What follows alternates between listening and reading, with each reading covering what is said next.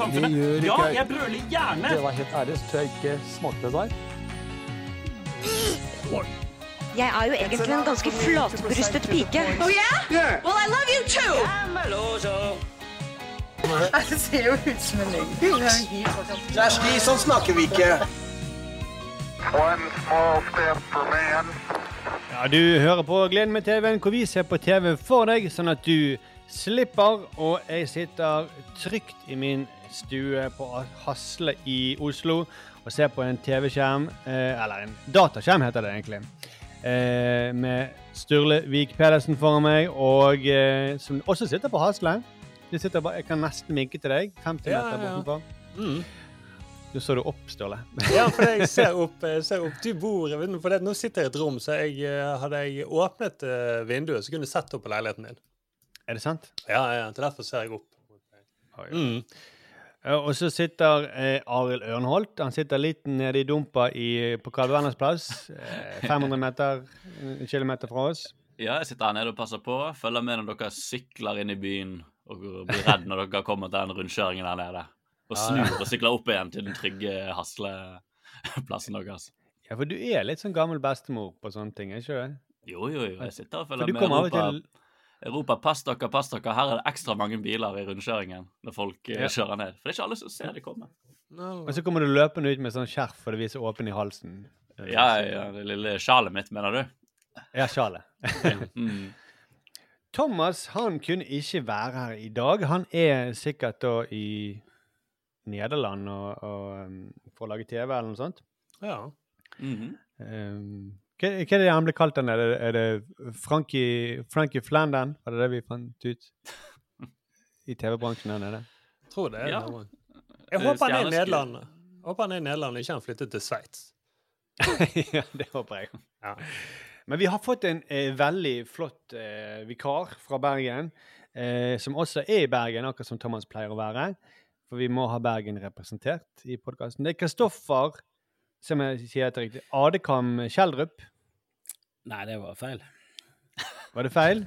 Ja, Si det, heter- si navnet ditt. Heter Kristoffer Andreas Dedekam Kjeldrup.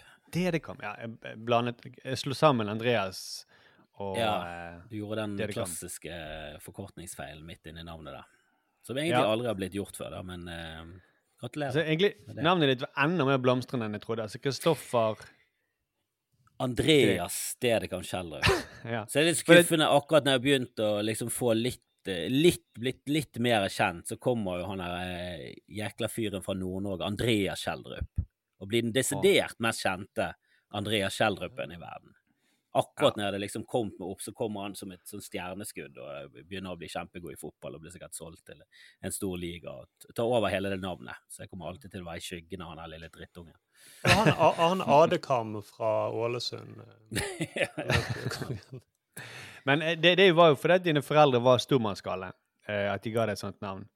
Det har du sagt på en scene, og det, det fremdeles så syns jeg det var en vits som eh, Jeg ler ennå når jeg tenker på den. Den fikk ikke den responsen som han fortjente, syns jeg, den vitsen. Men eh, Nei, jeg mener jo at det eneste navnet mangler er et fond. For det er veldig sånn pompøst. veldig langt navn. Og det, jeg, jeg, forbinder liksom lange navn. Det er enten med katolikker fra Sør-Amerika eller pompøse folk som eh, har gått litt berserk i, i, å- i liksom bare plukke navn fra, fra, fra familietreet. Men jeg tror Ja. min mor opprinnelig gjorde det for å få en jækla svær sølvskje, som hun fortsatt har hjemme. Så Ja. eh, For det var en i slekten som het Kristoffer Andreas eh, eh, Kjeldrup, tror jeg han het. Og så, mm. for å liksom få eh, føderetten til den skien, så kalte hun meg det, for da fikk vi den inn. Og det, det er ikke snakk om mer enn et par, ja, kanskje 1000 kroner, da. Og det var, det var nok for Det var lurt. De burde jo tatt kong Harald også, bare slengt på det, så du kunne fått litt uh, ting fra Skaugum også, når du først var i gang. da. jeg trodde du mente at han fikk et, du fikk et langt navn, sånn at de måtte lage en stor sølvskje. ja. For Nei, det var, en, det var en skje som var, var allerede laget, og den sto det en inskripsjon Jeg tror den står CAS på. Og han het Kristoffer Andreas. Og så siden for, for liksom hevde rett til å ha den skjeen, så kalte hun opp etter barna sine etter det. Hun, hun brukte mitt navn for å griske til seg en skje. Eh, Sånn med moren. Men det er jo en god sånn trygghet å ha i livet. da, At vi vet alltid vi kan smelte om denne skjeen hvis det blir eh, for høye strømregninger. Mm. Så eh, har vi en slags For sølv går vel ikke så mye ned i verdi? Eller det, det vet jeg ikke. Men gull ja, kan, i hvert fall. du kan vel også smelte det om hvis du skulle utvide navnet ditt, og så kan du bare strekke skeien litt, grann, hvis du skal få flere navn å putte på. Ja, det spørs jo hvor bra dette showet mitt går, da, men går det ekstra bra, så blir det, en, eh, så blir det et navn til og en lengre skei. Det, det, det er familietradisjon, det. Ja, for du, du er aktuell med nytt eh, show. Ja da, jeg, jeg sitter jo i garderoben på Ole Bull, som dere sikkert kjenner igjen, for her henger jo både Markus og Sturla. Arild ikke med, men han er vel, han er vel og lusker litt i kulissene. Jeg, Inspirerer. på, jeg mener jeg satt på bakrommet på akkurat eh, på en av de showsene deres og fulgte med, men eh, jeg fikk Ja. ikke være med Ja. på plakaten. Nei, nei, Og så, nei. Nå står jeg på scenen oppe her hver kveld eh, og har- shower rundt i Bergen. Og, og jeg kommer også over til Oslo etter hvert, så det, det er jo kjempegøy. Nå kommer du til eh, Du skal på Latter, da, kanskje? Ja. 19., 20. Ja. og 21. januar. Hva heter showet egentlig? Er ikke... Var det dumt, det? Ja, det var det dumt. det. Mm.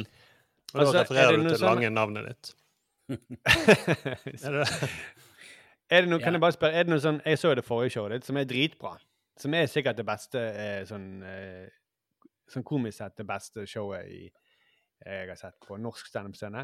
For det, og det som er så befriende, bare si, det, det drit Du skal ikke ha noen sånne dumme midtveis, så skal du liksom ta en sånn ettertenksom pause, eller ha, ha en sang, eller et eller annet sånt. Dans. Det er bare pure comedy hele tiden. Det er veldig forfriskende i en sånn norsk flora, da. Det er Ja, det er, er jo litt fristende å, å slå på stortrommen og ha et eller annet musical-nummer på slutten, og kanskje noe konfetti. Det, det gir jo veldig sånn eh, show-feeling, da. Men eh, det er jo ikke show jeg holder på med, det er ikke revy, Nei. det er standup. Og det er, ja, hvis du klarer det uten, så er jeg jo mye mer fan av det. Da. Jeg er egentlig ikke så glad i sånn rød tråd heller, men eh, det har Nei, jeg det med bare for ja, for det Publikum liker det, og kritikerne liker det. Det er jo egentlig derfor. Du prøver å ha en av show-innpakning på det, da, men eh, for å være helt ærlig, så så ikke det er det jeg trakter etter i et show. Det er kult hvis ting henger sammen, for for det, det er en grunn til det, men at alle show skal ha en rød tråd og skal handle om et tema og skal ha noe sånn gjennomgående linje. Det, det, det er jo ikke det du ser når du ser Louis CK og Bill Burr og Pryor og Eddie Murphy og alle de showene der. De er jo bare Det er bare å være morsom, morsom, morsom. Ja, men du går jo for å le. Du går for å se det for Ja. å le, ikke for å eh, Det med, det med rød tråd det ble jo vel oppfunnet fordi at det var så mange standup-show hvor eh, når de hoppet fra tematikk, fra tematikk så fikk publikum sånn whiplash. Eh, at de knakk nakken, rett og slett, fordi de, de måtte henge med i alle de forskjellige tilfeldige tematikkene som kom opp. Jo da, det var døde- mange som døde under Ja. Seinfeld. eh, Ja, det er det jeg husker. Da kom en fyr opp den røde tråden. Der, og det redd, har reddet mange liv. Da er man trygg Ja. og blir tatt vare på gjennom en hel eh, time med underholdning. Og så tror jeg det er sceneansvarlig også som pusher på, for da kan du selge øl mer og sånt. Ok, Jeg kan gå og kjøpe øl nå midt under, for jeg vet hva Det er en rød tråd. Jeg vet hva jeg vil henge tilbake. Ja, du henger med. Litt, Ja. som, en, eh, litt som en såpeserie. Du trenger ikke å se Mm. alt. Du, Nei, du, du henger, og henger, med på litt, så er du med i handlingen.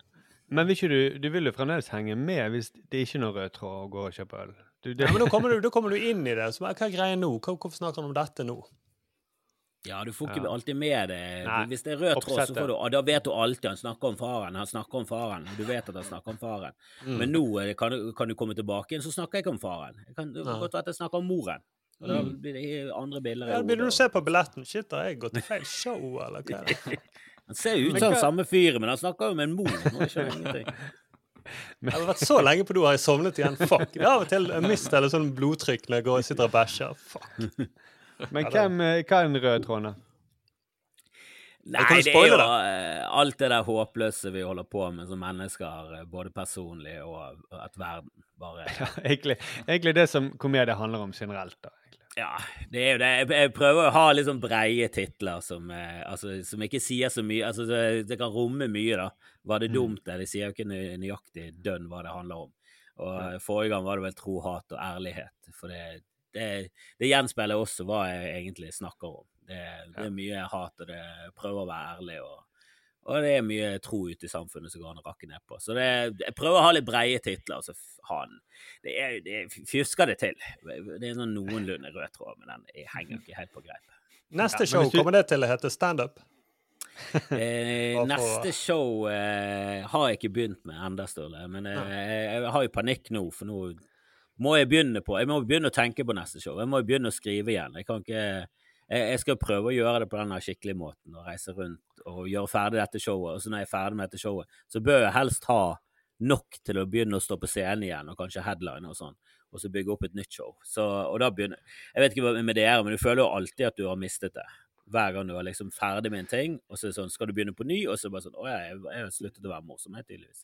Ja, Alle ideene stinker, og så må du jobbe opp selvtilliten og begynne på ny. Ja. Men eh, grunnen til at eh, du er her, er jo også fordi at eh, du Kanskje ikke mange som vet det, men du har jo vært eh, film- og temaanmelder. ja, det, det er veldig få som får med seg dette her greiene her. Ja. Det ser jo jeg på både tittertall og Eller du, likes. du, er det, du er det kanskje fortsatt? Ja, ja. Altså, jeg, jeg bruker det Det som en, eh, en grunn til å gå på kino alene om morgenen. For da får jeg lov til å gå sammen med, med alle de her kinoanmelderne, filmanmelderne i avisen i Bergen.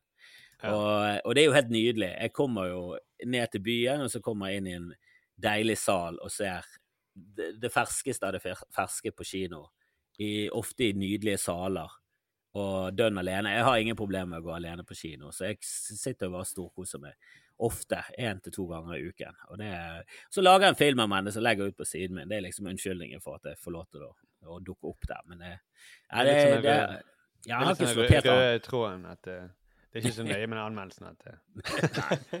Nei, men jeg er, ve- jeg veldig glad, alltid vært veldig glad i både TV og film og eh, alt som har med skjerm å gjøre, har jo jeg alltid likt. Eh, Og jeg syns jo det er trist når min sønn spiller drittspill etter drittspill på iPaden. Han sitter inne på Roblox, og det er så amatørmessig.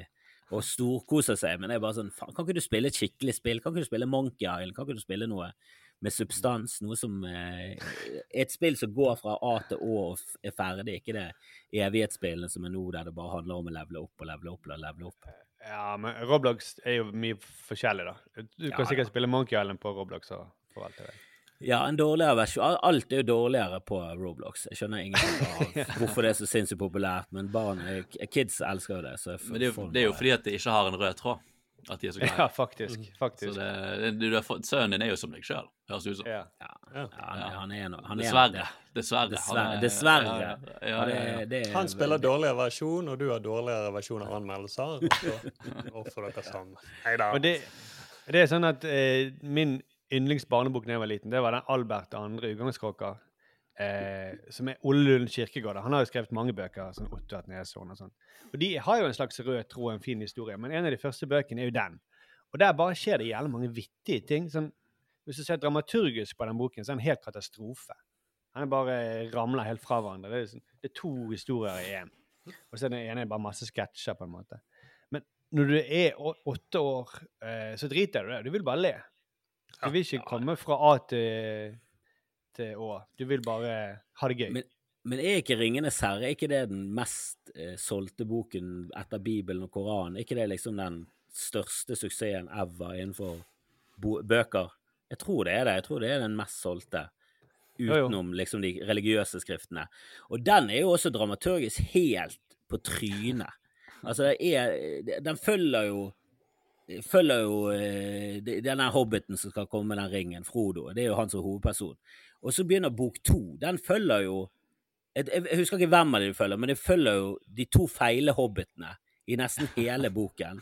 Og så går det over til å følge Frodo. Altså, sånn dramaturgisk så hadde han fått så mye notater av en redaktør at eh, den boken hadde jo vært, sett helt annerledes ut. Og de måtte jo gjøre annerledes i filmen. For det var jo bare sånn, vi kan ikke konsentrere oss fullstendig om to sidekarakterer i, i halve filmen, og så skal vi følge de, så de måtte jo klippe sammen. Men han var jo egentlig ikke en forfatter, han var jo egentlig en sånn lingvist-nerd. Mm. Det derfor han skrev de her bøkene. Det var jo bare for å få ut de der dumme språkene sine, som veldig få egentlig kan. Jeg er påskudd, egentlig. for å få det ut. Ja, så På mange måter så var det et, eh, et veldig feilslått prosjekt, men eh, det funket som bok. Den er jo kjempegøy. Jo, Ja, han, han, det er jo ikke han det. som Jeg føler herre nå, det er jo kostymene folk syns er kult. Det er jo ikke språkene. Han hadde jo hatet hvis han så sånn Hva er det, ble dette de kan bare kle dere ut som alver. Det er jo språket det gjelder. Det skal jo ikke, klærne har jo jeg ingenting med å gjøre.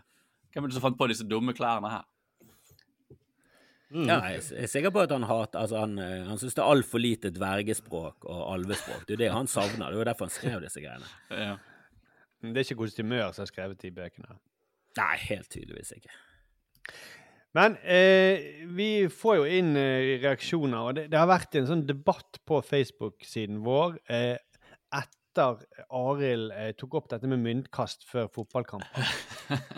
Arild hadde jo sett fotballkamp for første gang, eh, eller ikke for første gang, men du, du så en landskamp da, så Jeg har, jeg har anmeldt en fotballkamp for første gang. Ja. Mm. Og da ble det Du, du tok opp dette med at du syns det så, ser så amatørmessig ut at de kaster mynt og kron før kampen er i gang. Ja, jeg syns det er sånn fjollete måte å starte sånn storslagen event. Um, jeg, tenkte, jeg har faktisk tenkt mye på det siden nå. Jeg, det- jeg faktisk tror stein, saks, papir hadde vært mye gøyere. Uh, Det gjør man på litt lavere nivå. Ja, Ja, det, det er jeg helt enig med, men eh, Ja. det som er skremmende, var jo at i gamle dager så var det ikke Det var ikke ekstraomganger eller straffespark. Så hvis en kamp endte uavgjort i VM og Europacup, så tok de myntkast hvem som gikk videre. Herregud. Og det dette, kan har de jo faktisk dette har skjedd. Dette har skjedd at folk har gått videre i VM pga. myntkast. Ja, ja, men det, det, det var ganske nylig, og at, sånn er det vel fortsatt, at hvis det er helt likt på, på alle at Både liksom eh, Ja, målforskjell og innbyrdes oppgjør og alt det. Ja. Så er det det er eh. Men det er jo det som liksom, da blir jo det mindre enn idrett. Altså, Da blir jo det ludo. For det er jo bare trill terninger riktig, så vinner du. Det er liksom, Du må, må hvor er ferdighetene? Plutselig skal viktige elementer Jeg skjønner det, men du må på en eller annen måte avgjøre hvem som skal få den gode Hvis det er, Ja. hvis det er en eh, Hvis du får sol i øynene på den ene siden, så må du på en eller annen måte bestemme hvem som skal stå på den ene eller Ja, siden. da tyr du til Gud. Da slipper du Ja, coin, det- og så er det Gud som bestemmer. Det er jo egentlig Gud som bestemmer. Det er jo det det Jeg er. skjønte, jeg skjønte at han er veldig involvert på det som skjer på fotballbanen. Det jeg skjønte. Men har du heller lyst på sånn svært hjul? Sånn brrrr, sånn bingohjul, og så er det liksom Manchester United, Manchester City, Manchester United, Manchester City, Manchester United, Manchester Ah, det ble United! Og så kan det stå myntkast på en av dem. Ja. Mm. Eller du har en pen dame som blåser på terningene idet du skal kaste dem. Så det er om å gjøre, ikke få snake eyes. ja det, det, hadde vært, eh, det hadde vært veldig gøy. Det kan man vedde på spilt, det. Og, ja, Kanskje jeg skulle spilt poker til de ble ferdig. Mm. Så kritikken din, Arild, er ikke at det, det nødvendigvis at det er så uproft, men at det er litt kjedelig, egentlig. Det er mye rart i det. Jeg syns også bare fotball bør styre vekk fra alt som kunne bli minnet på at det er sånne unge ungdomsskolemenn som spiller en ballek. Det bør Ja. profesjonaliseres da, så mye som mulig. Og det er alt sånn der ludo og eh, eh, ting som eh, får det til å virke som at det er noe du gjør i friminuttet. Det er liksom Det bør, bør vekk. Jeg vil gjøre det på vegne av fotballen. Det er jo bare konstruktiv kritikk. Jeg, jeg vil jo fotballen. ja, ja. Ja, ja, ja.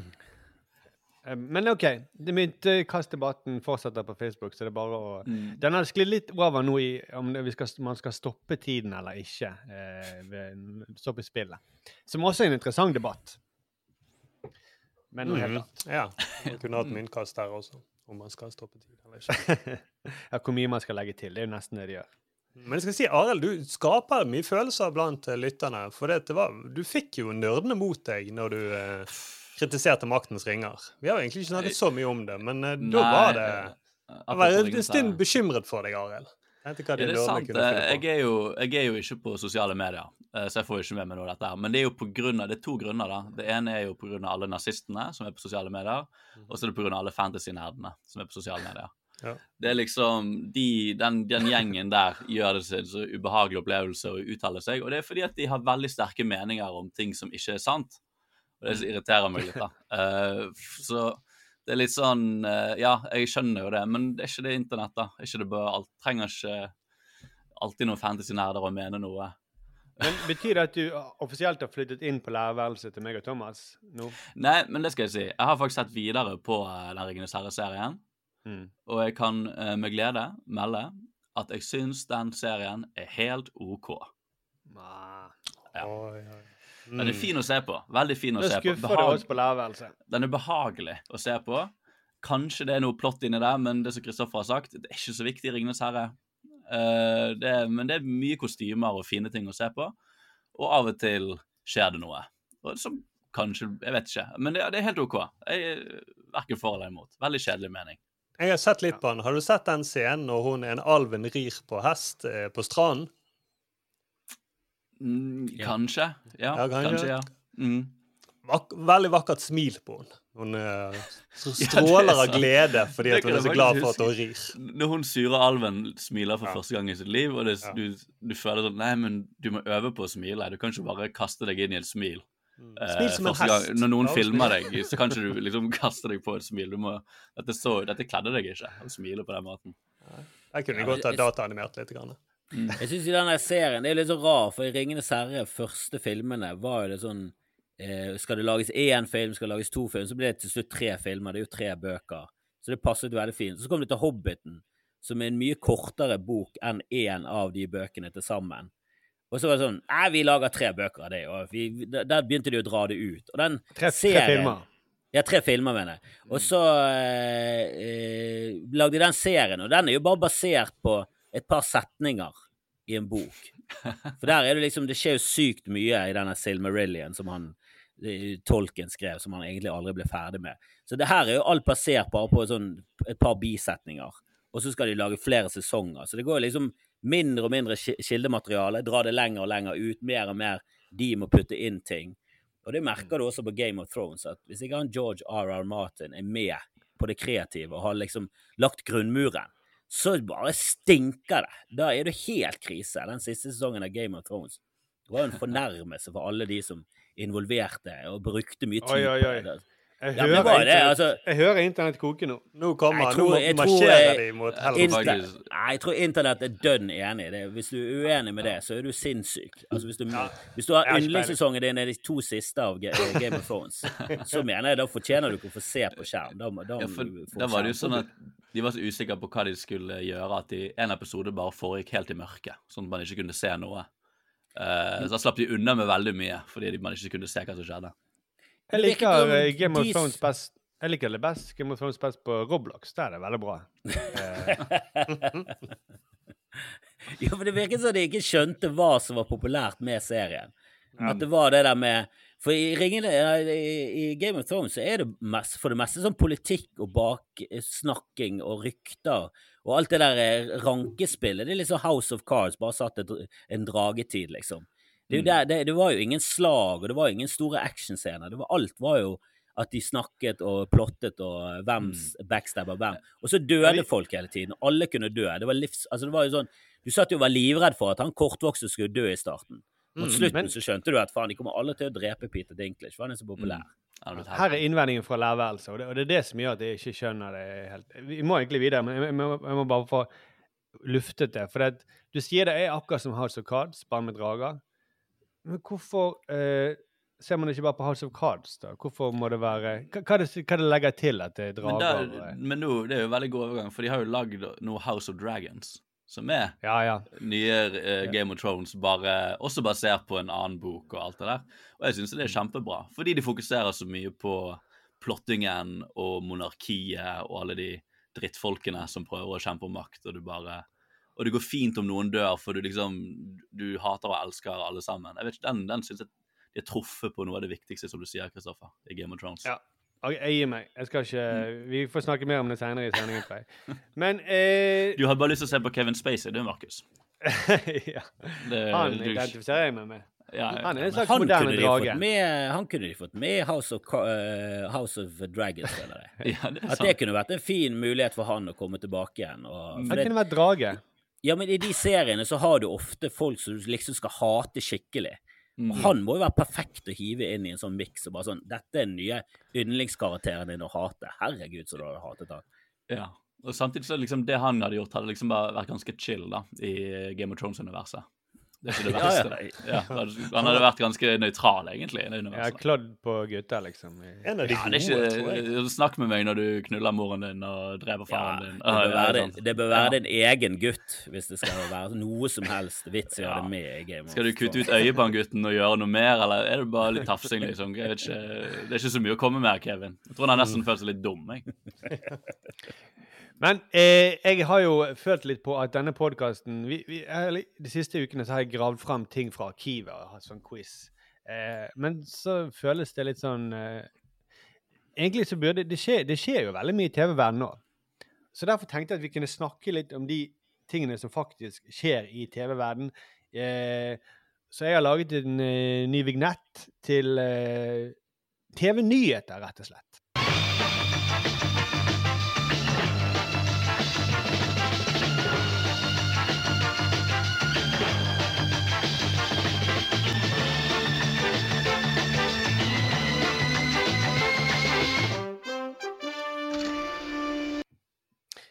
Eh, dette er da eh, førsteutkast. Eh, vi kan jo bare igjen invitere lytterne til å, hjelpe oss å lage vignetter. Det har dere vist at dere kan før. Så hvis dere har en bedre nyhetsvignett Jeg føler at den er spot on. Det er jo, føler jo på en måte at det er nyhetspulsen som går. Min nyhetspuls går opp, iallfall. Ja, ja, ja. Jeg føler at uh, Jeg har hørt den før også, uh, Ja. for lenge siden. Men det er jo virkelig nyhet. Du føler at der jager vi nyhetene. Han løper Eh, etter uh, Tore Tønne og andre ting. Jeg vil også Er, det- er det lov å si at jeg fikk litt sånn Detektimen-vibber? Det var det jeg fikk. Ja, men eh, ja, det er kanskje litt mer sånn hard news, ja. Litt sånn uh, Ja, det, Streets det- of San Francisco-nyheter. det går rett på mord. Fire myrdet i, i Byåsen. Ja. Fire, fire drept i TV 2. Mm. uh, Nyhetsredaktør sammen med Afan Bhatti. Dun, dun, dun, ja, det kunne du da Jeg vil også uh, bare begynne med å spille av et uh, klipp, så kanskje dere skjønner hvor vi, hva vi skal Hva den første nyheten er. Kliss, klass, kluss på 160 grader pluss. Det er enkelt ikke være i stuss, får du bare blanda sammen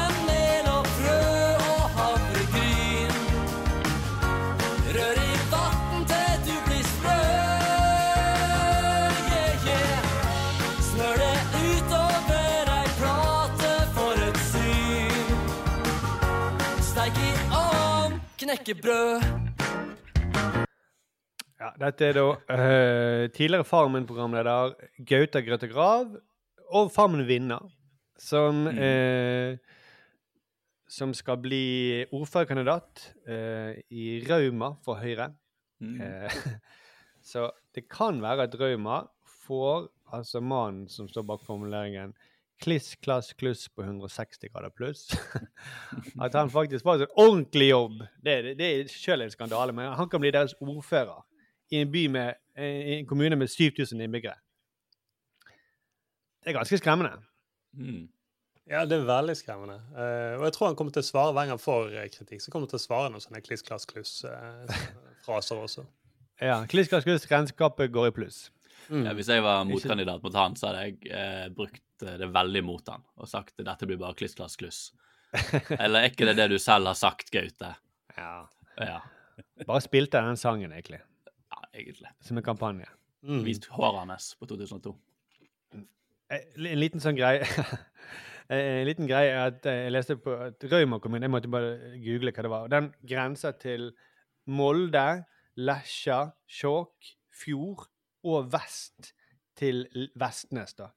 Så egentlig alle kommunene i Møre og Romsdal. Så det, det føles litt som Springfield, at den, den finnes ikke. Den grenser til alle mulige stater. Mm, ja, det høres ut som det er oppdiktet, hele greien. Altså sånn Hvis man skulle laget og Sånn som de gjør i Marvel også, sånne ting. Uh, uh, ikke Slovakia, men de har noe sånn her Moldovia eller sånne ting. Ja, Moldovia er vel også et navn. Ja, kanskje Mol Moldova er det. Men Ja, det er jo alltid sånn Molvakia. Altså de Molvakia sånn, er jo sånn, eh, der Dr. Doom holder til, som er midt mellom masse land og i, Ja. i, i Ungarn og sånne ting.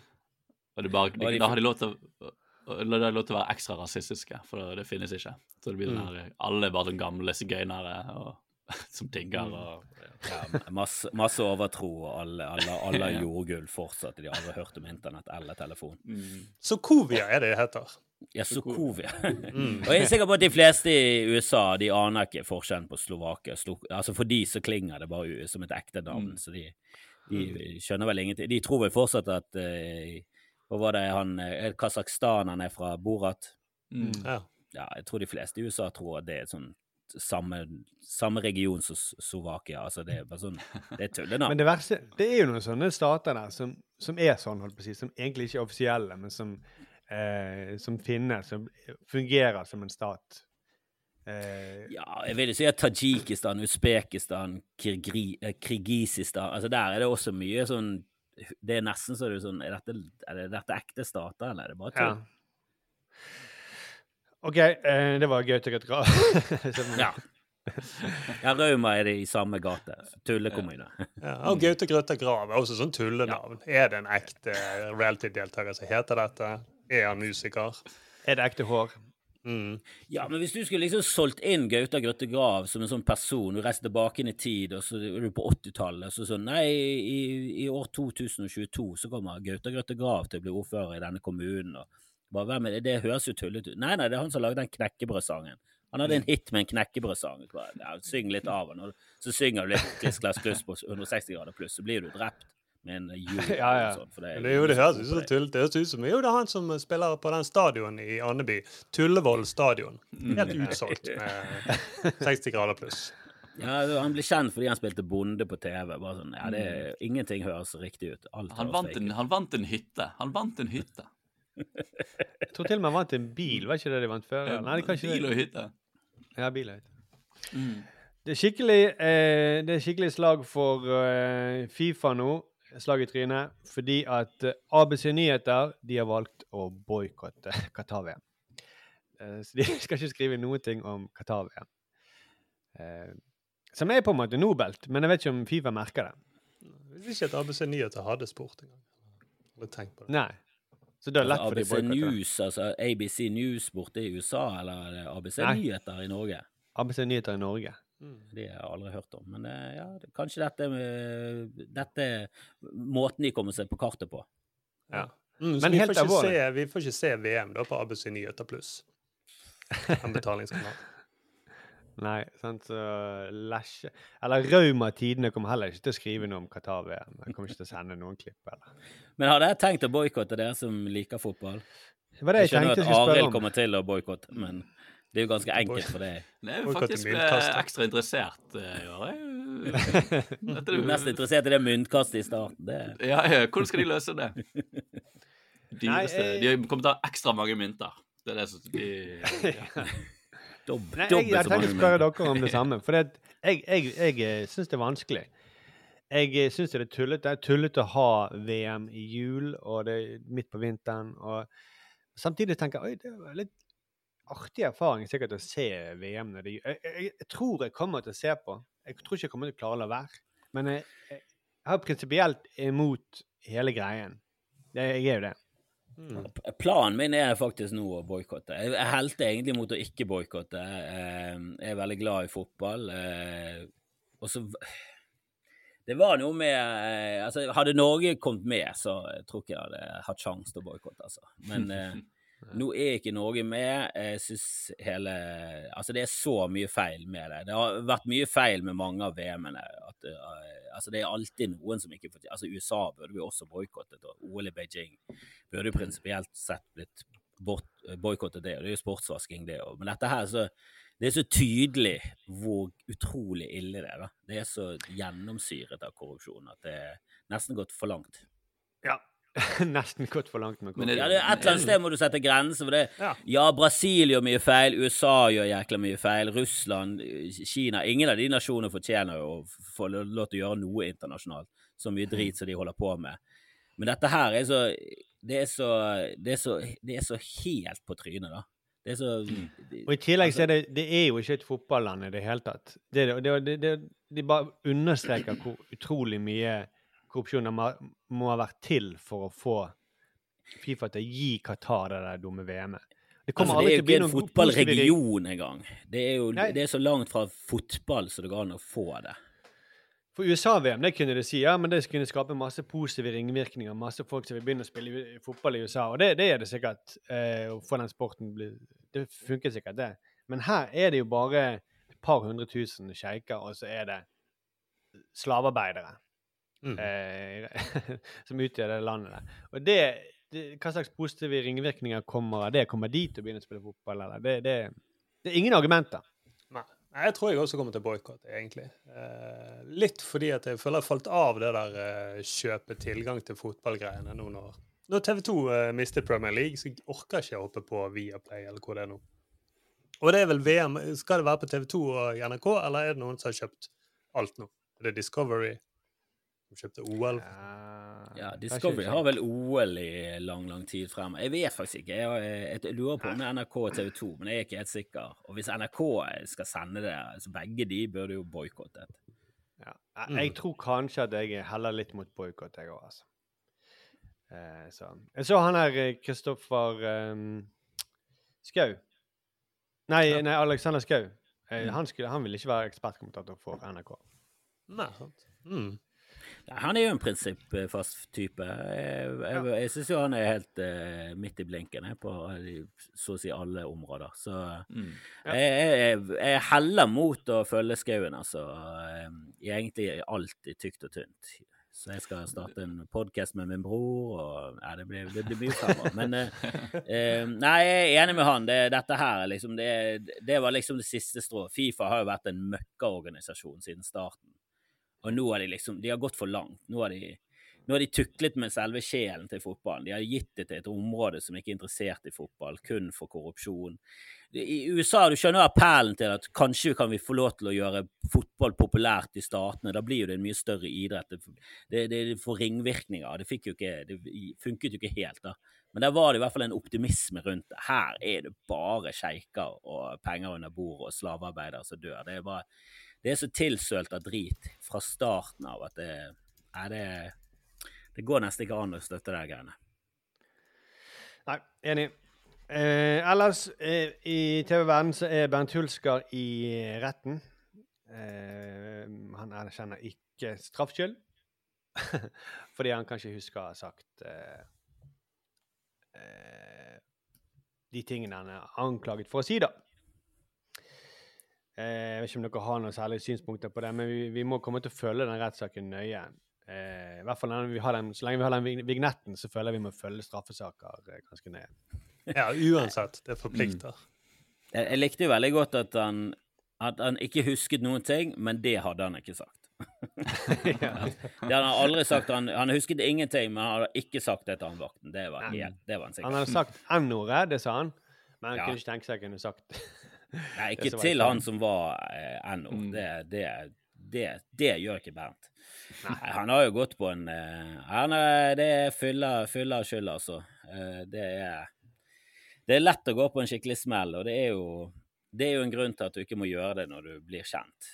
Mm. Du, må, det, du har ikke anledning til å gå på sånne smeller når du er så berømt som han. han, han jeg syns jo synd på han. Han hadde jo liksom akkurat greid å Han har liksom blitt så sinnssykt populær som en sånn folkelig fyr som alle likte. Bare sånn, Han virket så gjennom, gjennomført gøy og jovial og folkelig og fin. Mm. Og det er han litt for lakker. folkelig? Han ble litt for folk, og litt på feil Han var veldig sånn folkelig på 30-tallet plutselig. Ja, han ble eh, folkelig i solen, og så ble han brent. Og så er det til slutt også, det, er, det er så kjedelig at jeg vet ikke om jeg gidder å snakke om det, men det, de, de har fått nye MGP-programledere, da. Oi. Hvem da, Markus? Hvem? Etter åtte år så er han uh, ute. Han uh, Hva heter han? Kåre Magnus Berg. Og nå er det Staysman og Arian som er programleder. Så uh, Ja. Arian, skal vi P3, tror jeg. Ja, hun er P3. Men han, han Kåre Magnus Berg, det er sånn, han er en sånn fyr som jeg kan få sånn quiz-spørsmål om, og bare sånn Fuck, han er Jeg vet hva, hvem han er, men jeg har ingen Ja, ja. på hva han heter. Jeg har liksom sett han i Jeg vet ikke hvor lenge han har vært på skjermen, i 25 år nå. Han har jo Mm. vært en profilert eh, NRK-programleder i store anledninger i år ut og år inn. Ingen Men det han mangler. Nei, og det er det han mangler. sant? Han mangler to ting. Han mangler et sånn Dan Børge Akre er jo et fantastisk navn, så du glemmer ikke det. Mm. Kåre, Magnus og Berg det er de tre kjedeligste navnene eh, som finnes. I tillegg så har han ikke de der krøllete til den Børge. Du, du kjenner igjen når du ser han. Mm. Men han, han er så pen og så anonym at liksom eh, hadde vanskelig å beskrive han i, en- i en sånn fantomtegning. hvis jeg skulle... Ja, altså Mikkel Niva har jo tatt over Dan Børge. Han har jo håret og navnet. Mm. Du husker Mikkel Niva sitter jo første gang. Han visste hvem han var før han var på TV. Jeg hadde bare hørt navnet Mm. hans og visste at han holdt på med impro. Det var nok Og du, og du visste han hadde rødt hår, og Ja, du, ja, det visste du bare hørte navnet hans. Brente jo seg inn i hornhinnen og netthinnen og alt. Men Jeg husker det var eh, en sånn eh, seremoni i NRK når Dan Børge ga fra seg sitt røde hår til Mikkel Niva. Mm. Det var veldig fint. Ja, ga fra det. Eller han ga, det var vel ikke rødt, men i, i det de støtte på hodet, så sprayet de det rødt. ja, Så kom de og sprayet. lakket på ny.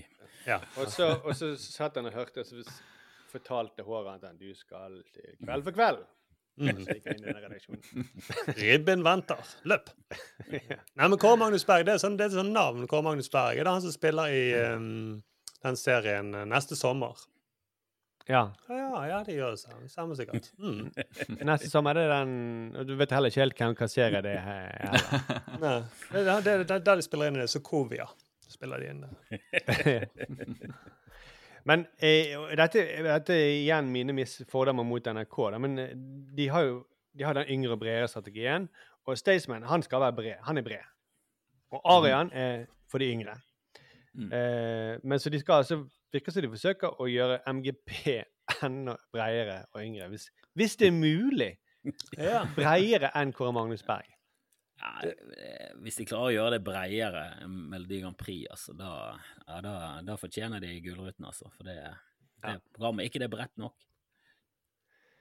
Jo, jeg jeg syns jo det. Jeg føler at det er sånn atomreaktor, og så prøver de å skru opp temperaturen enda mer, og så kommer det til å bli et veldig ustabilt eh, program. Så kommer det til å eksplodere det av bredhet. Slutt så kommer okay. hele befolkningen til å bli slengt over til Nordbysenteret. OK, men dette var da eh, de aktuelle nyhetene der de eh, skrapt sammen. Eh, I tillegg, veldig trist, Trevor Noah skal gå av som Daily Show-vert. Jeg vet ikke om Mm. Er det noen poeng med Daily Show lenger nå, som han er vekke? Skal de finne enda en? Det, det må Nei, bli en dame da, denne gang. Det var jo det de sa etter John Stewart. Der var det sånn OK, dette her De kan, de kan ikke finne en like bra en. Jeg mente jo at John Oliver skulle tatt over, men han, kanskje han hadde fått allerede tilbudet fra HBO om å lage sitt eget show, som er, Mm. som er det jeg ser på av de der greiene der. Ja, og, men det skal jo sies at det ble noe annet under Trevor Noah. Han er jævla flink. Han har gjort det til sin greie. Gode vitser, vet du.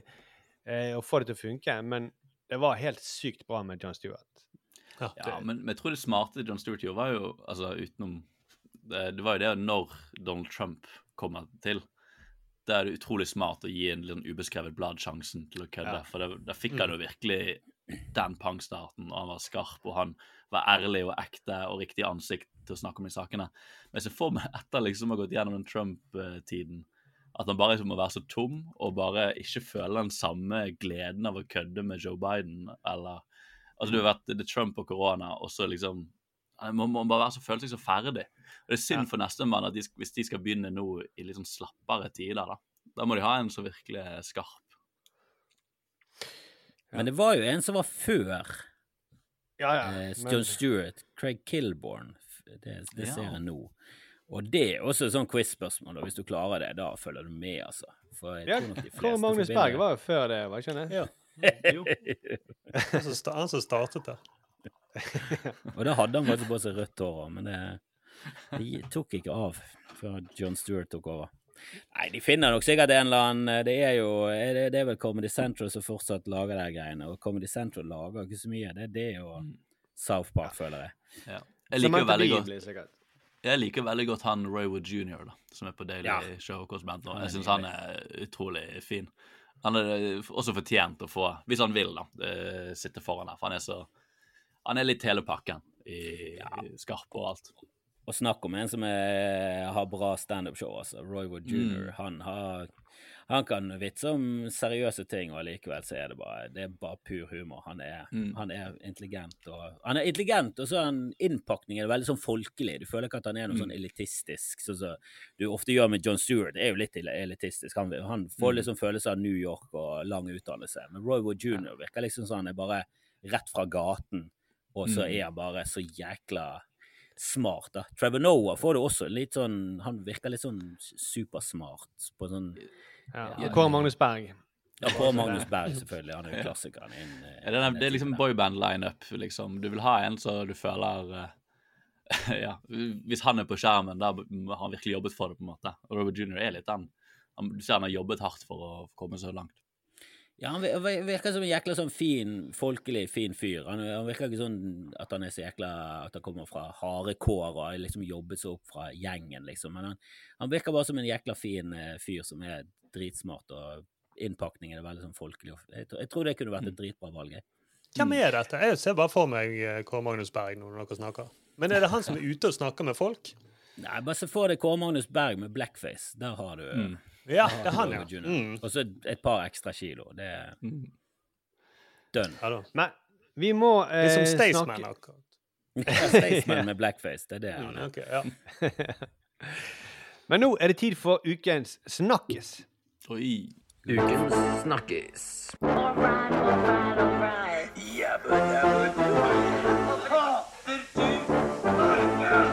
Tacofredag. Uansett hva han sier.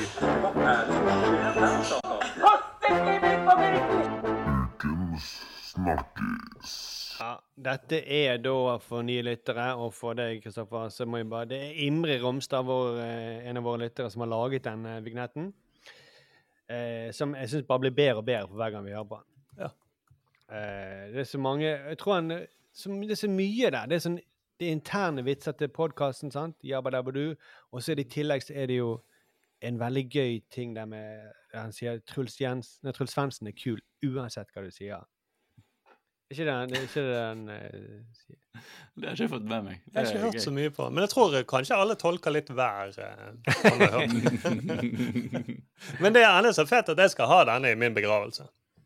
Ja. Som jeg håper blir en snakkis denne uken. Og hvis det blir liksom på tredjeplass og ting som skjer, så fuck. I fall i mitt liv kommer det til å være veldig stort på en måte. Men hver uke så trekker vi, da må en av oss se et eh, Bli utfordret og presset til å se et program som er så folkelig at vi kanskje ikke ville sett det uh, sjøl. Eh, denne gang var ikke så fælt. Eh, Thomas trakk jo da eh, Alltid beredt. Det er kanskje et program som mange av oss, flere av oss kunne slumpet til å se, men som vi egentlig ikke gidder å se helt. Thomas er jo ikke her i dag, men Arild, du tok på deg oppgaven om å se Alltid bredt. Det gjorde jeg, vet du. Um, ja, det er jo da alltid beredt. Discovery eh, Pluss sitt nye kjendis-reality med eh, Steinar Sagen i front som programleder. Uh, og dette er veldig, virker veldig som et konsept han har fått lov til. De har, gir han, mulighet, han får lov til å utnytte kontrakten sin i Discovery Pluss og faktisk lage noe det virker som at han har lyst til å lage. Ehm, jeg kan komme tilbake til det. Men pre premisset er jo da eh, rett og slett uh, at Steinar Sagen uh, han skal kåre den beste speideren. For han er sjøl gammel speider, så å opptre i dette programmet i programlederrolle som en speiderleder med kostyme og alt, eller uniform, som det heter. Er det mye sånne vitser om uh, speiderledere som klår på barn? Er Overraskende få, og det er en av tingene her. Og det er jo kanskje litt fint. At de er veldig oppriktig, virker det som. I, altså, den, den, det er noe eh, oppriktig da, i, i, i gleden av speideren. Det virker som at han, han leker både med at dette er noe som har betydd mye for han, og også med hvor teit det kanskje er. Mm. Uh, men veldig lite pedofilivitser uh, i forhold til hvor mye vi kanskje har lyst Når vi, når Ja. vi snakker Han har ikke bearbeidet det helt ennå, kanskje. akkurat der, og kanskje sesong to. Vi får se. Eh, om, det, om det er yngre på, og de er med yngre gjester. Jeg vet da faen. Jeg skal, jeg skal ikke gi han ideene på sølvfat, Det men er, fin det er finalen. Er at Ja, ikke sant. Nå skal dere bli klådd på av en ekte speiderleder. Ja, det, det, Du tar det, det der liten gutt-merket. Man har jo da ikke-merke, og så har man førstehjelpsmerke, og så liten gutt-merke. mm. Kevin Spacey-merket. Um. Ja, men, og driven i det, Han har invitert noen kjendiser til å bo i skauen med han eh, på en speiderleir, eh, og skal utfordre de deltakerne til å vinne speidermerker i forskjellige konkurranser, som han sjøl sier er ekte speidermerker. Eh, Iallfall etter hans hukommelse, da. Um, og samtidig må de liksom ta til seg speiderkultur som samhold, naturglede og Gud, visstnok.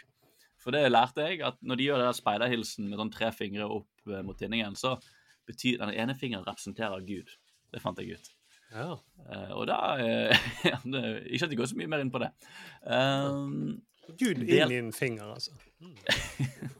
Det var de to andre, da. Gud, kongen og fedrelandet. Det, Ja, det var noe sånn. Jeg fikk bare med meg Gud, fordi dette det, det, Jeg tror det er sånn samhold og eh, naturglede og Gud. Det er liksom litt på den. Han sniker Ja, seg inn, han guden. Han bare sniker, han er 'Jeg er her også, ikke glem meg'. Ja, og Gud og speiderloven. Tror det, var noe, det er noe speiderloven. Skal du alltid føle. Ja. Mm. Um, og deltakerne, de setter de inn i par. Det er noe av det første de gjør. Setter inn uh, deltakerne i uh, par på to. Så du har Henrik Fladseth og Harald Eia. De er litt sånn de breiale, bedrevitende, uh, dum. Han ene er dum, han andre er smart. Komboen. Det er dynamikken du får til der. Så du Jenny Hvem er hvem? Ja, nei, det våger vi får se. Jo, vet ikke jeg. Nei, de, de, så har du Jenny Skavlan, skuespiller Henrik Mestad, som er med i reality, som føles litt tilfeldig at han er med, men så viser jeg at han er jo gammel speider og er skikkelig speidernerd. Mm. Uh, og de to sammen, da har de lagd liksom Streberne. De er best i klassen. Og så får du litt sånn der datteren som ser opp til onkelen sin vibe, fordi han er så jævlig på, og hun syns det er gøy å være med en som er så flink. Hun, de, de har lyst til å vinne. Uh, og til slutt så har du da standup-komiker Ahmed Mamov og Siri Kristiansen, som blir litt sånn uvitende og slappe, som sitter bakerst i klassen og gir litt faen. Det er gjengen, da. Det er hele grunnpremisset. Og uh, når jeg sitter og ser på dette, så sitter jeg og tenker dette er et veldig fjollete premiss, dette er et veldig rart ko konsept. Jeg er litt eh, jeg er litt snurta, sånn som jeg har vært i det siste. Når jeg sitter og ser på dette, for det bare blir så jeg blir litt satt ut av noen kjendis-reality. Jeg begynner å skrive notatene mine, bla, bla, bla. eh, Hva, hva skjer med norsk underholdning, bla, bla, bla. For alt det der slurke slurket og slarket kommer fram. Jeg begynner å gå tilbake til notatene fra forrige uke og skrive enda mer nye fotballregler. Det er bare, det er bare å få fram eh, de greiene der. Du må ikke bli Eh, sånn Erling Borgen, da. Han skrev et sånn langt innlegg nå på Facebook om hvor elendig avisene var blitt. Nå var det bare kjendiser og Sofie Elise. Det var liksom hele, hele, hele verden hadde blitt eh, dårlig siden han var ung. da. Ja, ikke sant. Det er like før. Men uh, så skjedde noe i hodet mitt her. Uh, fordi jeg stiller meg selv et spørsmål når jeg ser på denne reality, reelt igjen. Og det er jo hva er poenget her? Hva er det de skal få til? Og så er liksom om å gjøre å bli den beste speideren. Og så tenker jeg, det er det, det er det de kjemper for å bli. Det er hele konkurransen. Og så tenker jeg, det er jo like teit eh, som at de kjemper for å bli fallskjermjeger i Kompani Lauritzen eller storbonde i Farmen. Det er jo like løke premisser. Og så treffer den kongstanken meg, og jeg sier til meg sjøl, Arild, din dumme faen. Hva er det, slappe jævel, nå må du skjerpe deg, ditt nek. Dette programmet her, det er jo satire. Mm. Dette her er jo faktisk De kødder jo med sjangeren. Det går det opp for meg. Og det blir det nye filteret som jeg ser det gjennom. At dette er For det er så absurd premiss, og deltakerne tar det så seriøst. Mm. Uh, og da begynner jeg egentlig å kose meg ganske mye. Uh, for de, de får den der Vi har jo snakket om Fuckboy Island, reality-programmet. Ja, ja. Eh, Mm. Uh, og de får litt den der holdningen til det, hvor de, de anerkjenner sjangeren de er med i. Eh, de tar det seriøst, men det er såpass teite rammer rundt det, og konkurransen er så dumme. Og deltakerne er jo alle standup-komikere, eller komikere. Så alle liksom vet å leve seg inn i det på riktig måte. Eh, og det skaper egentlig ganske vittige greier, altså. Som er jo hyggelig. Når man eh, At Mm. de, de faktisk har fått lov til å kose seg litt med reality-sjangeren. Ja, Eh, jeg så jeg første episoden. Jeg, sier, jeg, ja, jeg så første episoden. Jeg er enig med deg, Arild. at det er sånn Han har denne radioresepsjonen, distansen, da, til det. Mm. At de går ikke helt inn i det. Han driver og fjaser litt og uh... Som han har i alt han gjør. Ja, jo, som han har i alt han gjør, egentlig, da. Uh, men det er litt sånn at de, de skal rykke ut. Og fordi at det har skjedd en ulykke, og nå må alle speiderne hjelpe til med å drive med førstehjelp. Og så løper alle sammen, og så snur han seg til kameraet og sier de vet jo ikke at dette er jo bare en øvelse. Han har fått alle til å sprinte som faen. Sånn, Mm. sånn, ja, som, som er litt sånn sketsjete, men det, ja. Det er på for en måte sånn- hans take på reality-serier. For, for det er mye mer humor enn the reality. da. Det, og du, Ja. ser at han Steinar har veldig eierskap til premisset, og han koser seg. da. Og det er så deilig å se. For han var jo også med i Han hadde jo et annet program på TV Norge som jeg var litt nysgjerrig på. Og jeg vil bare ta et lite tilbakeblikk på det. Eh, jeg vet ikke om dere husker det? Eh, det som heter Gjett hvem. Ja, for det er også veldig ironisk. Ja, og, og, og, og der var ja, kjendiser skulle få vite fakta om hverandre og måtte gjette hvem som faktaen gjaldt og sånn. Mm. Men, men det kan jo ikke ha gått så bra for dem, fordi det programmet Jeg skal prøve å finne noen klipp og sånn, og det har jo de bare slettet fra Discovery Pluss. For alle, satt i, alle hadde blackface. Eh. Gjett hvem jeg egentlig er. Ja. Oi, nå kom jeg borti en lekebil. Ja. Ja, ja, ja. ja Kevin Spacey eh, ja. Men eh, og eh, Men, men jo, og, men det er det som de gjør her. Altså, jeg vet ikke om de gjorde like mye i Gjett hvem. for Det er det er lyst til å finne ut hvor mye de spilte opp den der Radioresepsjon-ironien hans da, i det. For Jo. det er jo det som er den store styrken hans. da.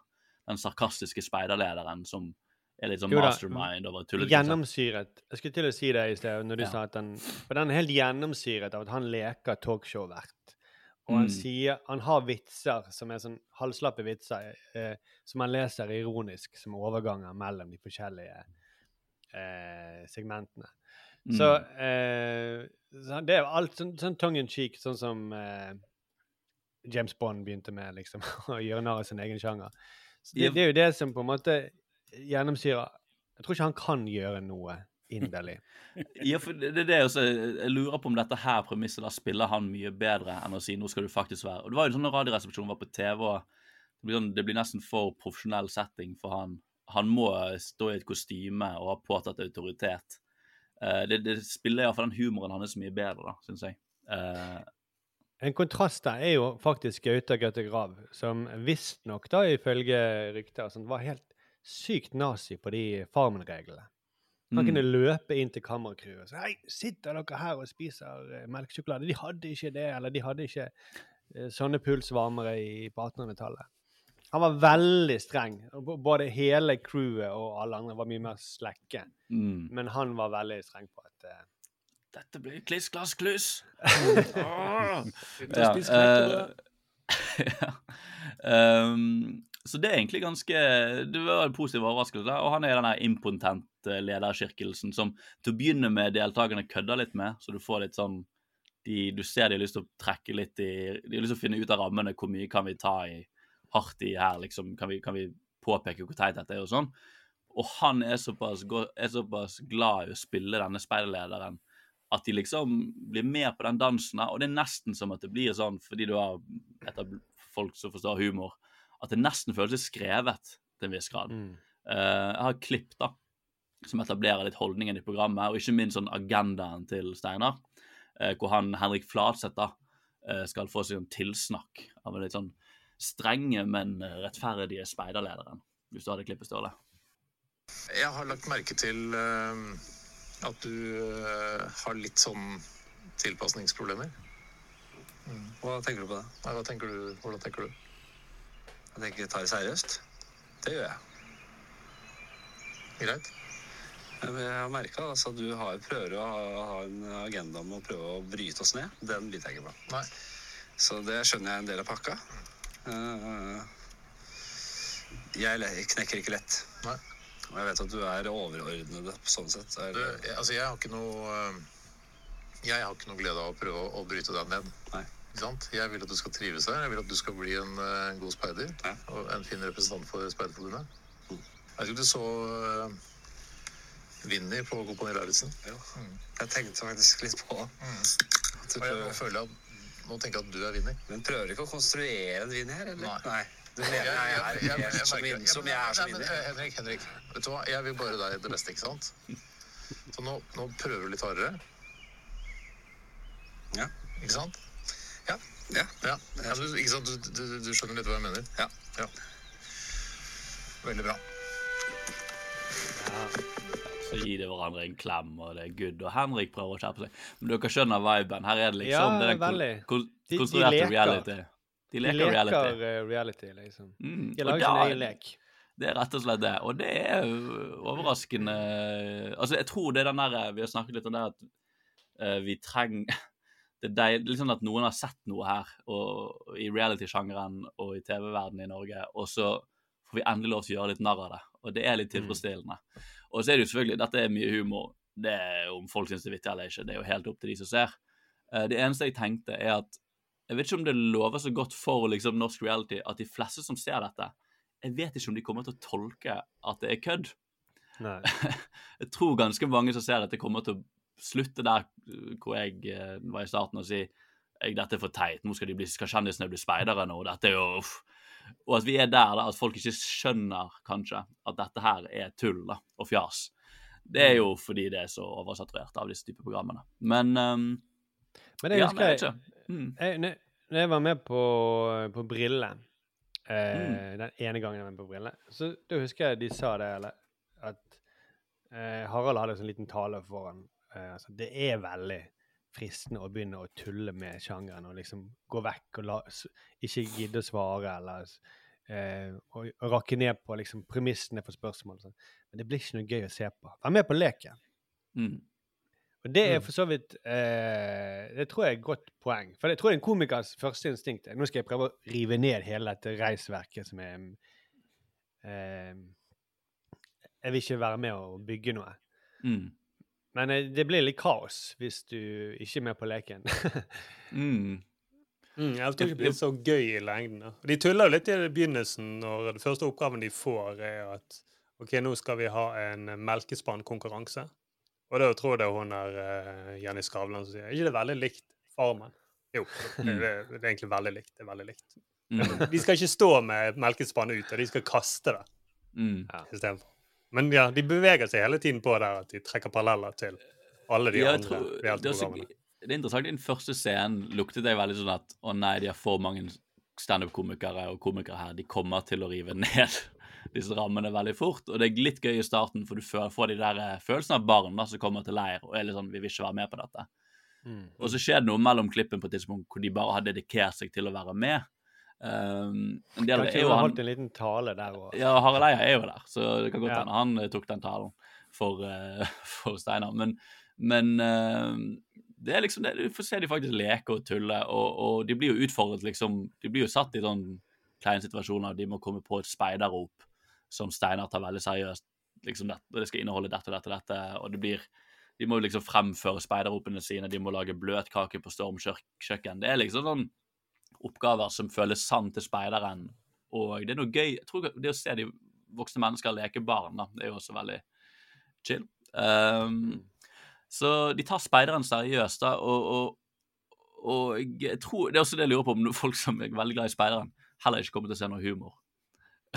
om de bare kommer til Veldig bra program hvor de viser speideren. og eh, nå, nå skal de bli bedre mennesker. Det er mye bedre enn Kompani Lauritzen. De lærer om Jeg Gud og ja. Håper Henrik Mestad vinner. Han er en skikkelig speider. Altså.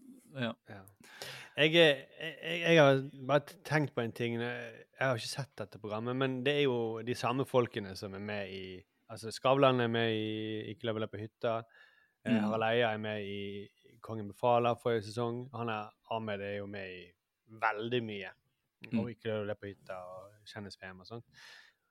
Og det som slår meg, var at For jeg tenkte sånn For det, da jeg var ung, så var jeg sånn Å, jeg, jeg syns det er så eh, fett å se alt eh, Harald Eia lager. Jeg var jo digg, Det er jo sikkert dere også. Som, fordi at, ikke, Han var så vittig i sånne programmer fordi at han, var, han laget sånn nyskapende komedie, sketsjer og TV-serier. Som Mm. det ligger mye tanke og, og arbeid bak. Men nå, ikke når han er liksom i et sånt ensemble hvor han skal være litt vittig, som, blant andre som er folk som er litt vittige, så skiller ikke han seg noe spesielt ut. Han framstår ikke som sånn spesielt avantgarde. Han er bare en av mange vittige folk. Mm. Og da slo det meg at dette her er de late komikernes hevn. Det nå, nå er det de som skinner i de, disse nye formatene her. Sånn så, Jeg vet ikke, jeg kjenner ikke Fladseth personlig så noe særlig godt, men se for meg han er jævlig vittig, men kanskje ikke den som bruker hele tiden hvordan skal jeg lage en nyskapende avantgarde sketsj. Men han, nå er det han, dette er et format som han skinner i. da. Det var iallfall sånn i den Ikke lov å le på hytta. Mm. Så det er en ny type komikere som eh, Egentlig komiker, komikerne, de som er standup-komikerne, de passer veldig bra til sånn her eh, format. De som klarer å skrive litt uh, on the fly, da, og klarer å Ja. formulere liksom Du skjønner hva du blir gitt, og da klarer du å formulere skarpe vitser og sånn. Men du ser jo Du det er klarer jo å leke. Ja, du, men du ser jo også det er veldig mye sånn eh, populærkultur nå, sånn hvordan streamere har blitt veldig populære, influensere, folk som er flinke til å bare ha et kamera på seg og preike. Mm. Uh, det er veldig lite sånn skrevet, sånn som du snakker med sønnen til Kristoffer, sånn lite skrevet innhold, da, sånn som vi sånn som du sa med Monkey Island, som bare var skrevet veldig bra. Uh, altså, det, liksom, det handler mer om det der improviserte folk som bare klarer å være eh, kommunisere foran et kamera uten å tenke seg så mye om. da. Eh, og det ser man ja, også litt i disse reality-konseptene, at komikere nå bare blir forventet til å Du skal bli settet, du skal sitte deg i rare situasjoner, og så skal du bare reagere. Mm. Um, Folk som reagerer vittig, da. Det er egentlig bare det. ja. Mm. Mm. Eh, men ja, har dere sett det program? Du har sett det, Sturle. Har du sett det, Kristoffer? Nei, jeg har kun sett uh, ja, reklame og sånn, og jeg jeg kjenner jo flere som er med, så jeg burde kanskje sjekket det ut. Men jeg, ja, jeg visste ikke at det var en sånn metagreie der. Jeg trodde at det var en Virker bare som Kongen befaler i en ny innpakning. Og, Ja. ja, jeg, jeg, synes, jeg liker veldig godt Kongen befaler, både den originale Taskmaster og den norske. Mm. Eh, og det virker som et eh, Og jeg, liker det der med at det er ekte. At, at du ser at folk eh, prøver sitt beste. Jeg syns, eh, syns det er litt av sjarmen. At du ser folk Mm. bli stresset. Og Henrik Elvestad i forrige sesong syns jeg kom kjempebra unna med det, selv om han virket ikke som han prøvde å være morsom en eneste gang. Han bare var seg selv, og bare måten han reagerer på, er nok til at jeg begynner å le. Ja. Så, så der liker jeg veldig godt hele konseptet. Jeg synes det er Men poenget er at de er med på leken. Og, og der er leken Ja. at de skal ta det seriøst. Her var leken at nå skal vi tulle med eh, liksom sjangeren. Og da er det en annen lek som de er med på, på en måte. Mm.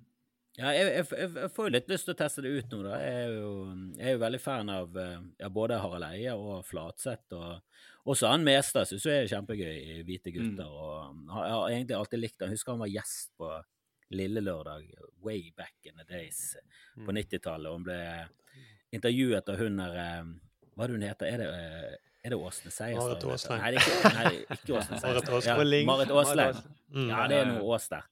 Eh, og hun bare starta hele intervjuet med å snakke om at de var på en date en gang. Og det er ekte. Du ser at han blir ukomfortabel. Og, så, Mm. og du sa du skulle ringe meg, og så ringte du aldri. Hva var det egentlig som skjedde? og, du, og du ser hele fyret bare Det ser ut som han blir dritstresset. Jeg vet ikke om han spilte det, eller om det var ekte, men det føltes veldig ekte. Og det var, det var noe nyskapende der.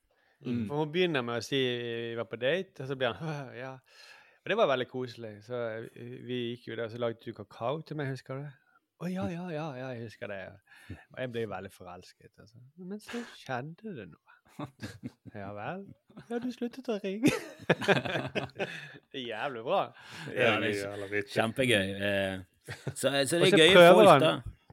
Og så prøver han å gi sånn bullshit-svar, for han er aktuell med Ask Burlefot. På, så prøver han liksom å flette det inn at Ask også har sine svik, og bla, bla. Kanskje det er et svar du kan bruke? Det, nei, du kan ikke basere svik på litterære, fiktive personer og så tro at det er greit. Ja, men Judas svek, svek, svek, svek, svek jo Jesus. Han er jo veldig kjent, så kanskje jeg bygger det på det.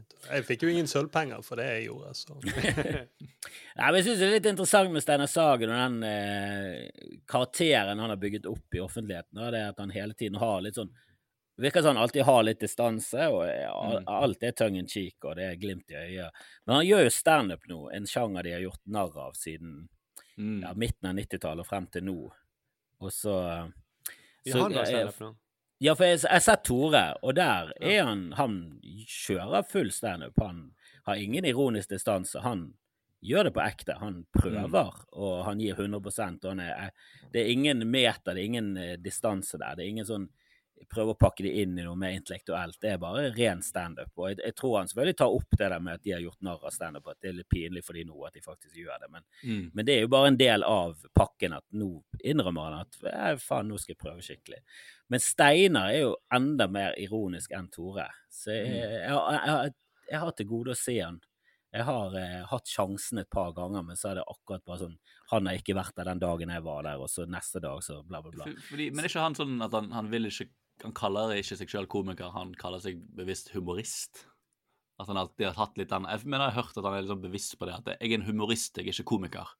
Kanskje det er forandret noe, men i dette programmet også så er han sånn Jeg er humorist. Og det er liksom det skiller hans, da. Jeg er Det ikke høres ut som en sånn ironisk ting, det òg, nesten. Ja, kanskje. Mm. Kanskje. Men det føles ikke ut som det funker på en standup-scene. Det verste jeg vet eh, på en scene, det er folk som gjør standup, og så gjør de litt sånn halvslappe vitser. Og så vet de at de gjør halvslappe vitser, og derfor er det morsomt. Fordi de vet Mm. at dette ikke er bra humor. Jeg er Og også bare sånn, prinsipielt enig Hva i det. helvete i helvete er dette, da? Mm. Jeg jeg er pr- prinsipielt enig, enig i det. Det eneste som jeg syns er gøy i den sjangeren, er jo Vegard Tryggeseid. Ja, men det er noe annet igjen. For han er er, noe jo bare en jækla Han er så jækla rar, og du vet aldri hva som kommer ut av munnen hans. Og det er så Altså, det der er jeg liksom problemer, og det tror jeg kommer til å bruke lang, lang tid på. Hvorfor er dette gøy? Hvorfor syns jeg dette er gøy? Eh, og jeg, jeg, jeg har jo snakket med han, og han er en, han er jo en rar person i virkeligheten nå, men han er jo selvfølgelig mye mer rarere når han skrur på, da. Men eh, der jeg har jeg sånn problemer med å egentlig identifisere. Hva er det som er gøy her? For jeg ler. Jeg vet ikke helt hvorfor, men det er et eller annet. Er det håret? Er det det? Er dialekt? Men det er et eller annet rart der. For det, det, det, bare, det virker så enkelt da å gjøre det på den måten. Og du bare Ja. sier rare ting. Og når du blir spurt om ja, hvor kommer du fra, så sier du jeg er Trondheim, og så sier han det med Stordadialekt. Og det er kjempegøy. Altså bare sånn, ja, men det funker ikke når du gjør det, men det funker sinnssykt bra når han gjør det. Han, han har et eller annet der som er, er bare funny. Det er et eller annet funny med han. Men jeg vet ikke helt hva. Nei, enig. Nei, eh, men, men det, eh, Senne Sagen, er han like eh, ironisk i den der samlivspodden sin? Den har jeg ikke hørt. Nei, ikke jeg heller. Det skal være interessant å høre. Mm. Jeg har sett et lite klipp hvor han ler veldig mye. Jeg tror han er veldig glad i konen sin, da, som er veldig eh, kjekt. Men han ler veldig mye av en vits hun har, som Den er kanskje ikke så bra, men han er, virker så forelsket i henne, eh, og at han har lyst til å hjelpe henne å lage den podkasten. Jeg er med, jeg er med liksom, på alt du er med. Ja, men Hvis du skulle liksom sett for deg en person som Steinar Sagen var gift og forelsket i For det, det skinner jo gjennom at han er veldig glad i kone. Det, det er i hvert fall den følelsen jeg sitter igjen med. Hver gang han snakker om henne, så, bare, så virker han nesten som en sånn nyforelsket gutt som har, har blitt sammen med lærerinnen på skolen som han alltid var forelsket i. Og så er det drømmedamen. Det er sånn feeling jeg får, da. Men hun virker veldig annerledes. da. Hun virker veldig inderlig og ekte og 110 og følelser og viktig å ta vare på følelser. Det er viktig å finne følelser. For. Altså hun, hun er på mange måter noe helt annet enn han. da. Men hun virker også som en som ikke forstår ironi. Så det Ja. kan hende det er det som eh, funker. At hun bare Ja, helt, det er veldig bra det du sier, Steinar. Det er akkurat sånn det er. Han er du en ekte ironisk. speiner. Ja, du er en ekte er Steinar.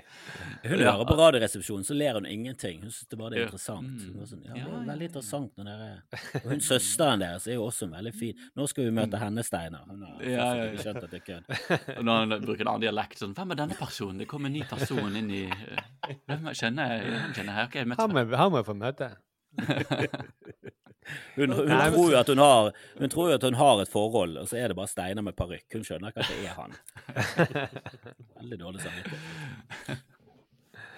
Nei, men eh, det er jo vel sikkert også derfor han trenger hun da, sant? For han, hvis han, Ja, ja, Det er jo det som er kanskje litt inn, inn, eh, I en TV-verden så ville man jo sagt at han som er så ironisk og altbesangse, han trenger jo noen som, til, som ser han på en her, kan tilby noe helt annet. Da. Ja, han trenger, jeg trenger et anker inn i følelsesverden. Ja, han jeg trenger er ikke definitivt henne. Det hadde vært fælt hvis han også var sammen med en som var like ironisk som han sjøl, da. I Radioresepsjonen-verden så har han giftet seg med Bjarte. Mm. Ja, men samtidig, Tore Sagen har jo funnet en som er mer lik han. da. Live Nelvik. Ja, jeg tenkte det, det sa, Virker jo ganske lik eh, han som person, og jeg har truffet de sammen. Og, de, og der igjen, de funker jo veldig fint sammen. De virker som de er Men der, det, det er denne, noen av denne opposites attract, at de finner en som er veldig forskjellig fra dem, og så utfyller de hverandre, og så finner noen bare finner seg selv. Men, men hun har jo også veldig sånn inderlig Hun har også veldig sånn inderlig prosjekter, da, at hun skal eh, Nei til skjermtid og sånt. Eh, det, med mindre det er også en sånn ironisk, en, en parodi på den sjangeren. Da, da, da forstår jeg det programmet litt bedre. Da liker han bedre. Mhm. For det, eh, det var jævlig teit prosjekt. Ja, hun slo også gjennom som Gauta Grøttegrav i Farmen i sin tid. Ja. Kanskje hun også ble ordfører i Odda eller noe sånt til slutt. Har hun vært i Farmen? Ja, med hår og hele pakken. Hadde ikke hun dreads? Vet du hva jeg skal? Eller var det en annen? Nei, Jeg lurer på om det var venninnen, for jeg så den sesongen. Det er den første Farmen-sesongen jeg så. Jeg så den fordi jeg var sammen med en i Stavanger som bestevenninnen var hun som ble venninnen til Live Nelvik i Farmen. Så vi fulgte jo med, og det, satan så, så hektet du blir på det der greiene der. For dette var jo den tiden det ikke var noe streaming eller, eh, eller noe sånn eh, DVR, at ting ble tatt opp. Der var det enten så du det live eller reprisen, eller så var du fucket. Og jeg gikk hjem fra byen selv om jeg hadde det gøy. For det var sånn, du jeg er nødt til å stikke. Jeg er nødt til å bare, Nei, det er storbonde, jeg er nødt til å få mer. Jeg var, jeg, jeg var så hektet at du aner det ikke. De er flinke til å lage TV, de der. Så var det. Jeg ser at hun hadde ikke dreads, hun hadde bare veldig fett hår. Men det var også veldig trendy på den tiden. Ikke bare på Farmen. Nei. Så. Men OK, det var ukens uh, snakkis, Arild. Takk for Ja, den. det, det blir en snakkis blant speiderne iallfall. Det er jeg sikker på. Ja. Mm. Takk for det. Og du må videre, Arild, så tar vi eh, over stafettpinnen. Eller vi Vi- fører båten eh, inn Ja. til havnen. Lykke til, Kristoffer. Håper de eh, er snille med deg. Det er jeg ganske sikker på at de er. Ja, ja.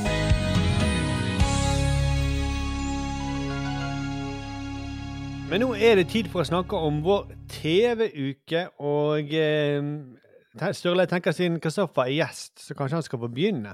Ja. Sin TV-uke. Så det var Har du sett ja, noe bra innkast. på TV?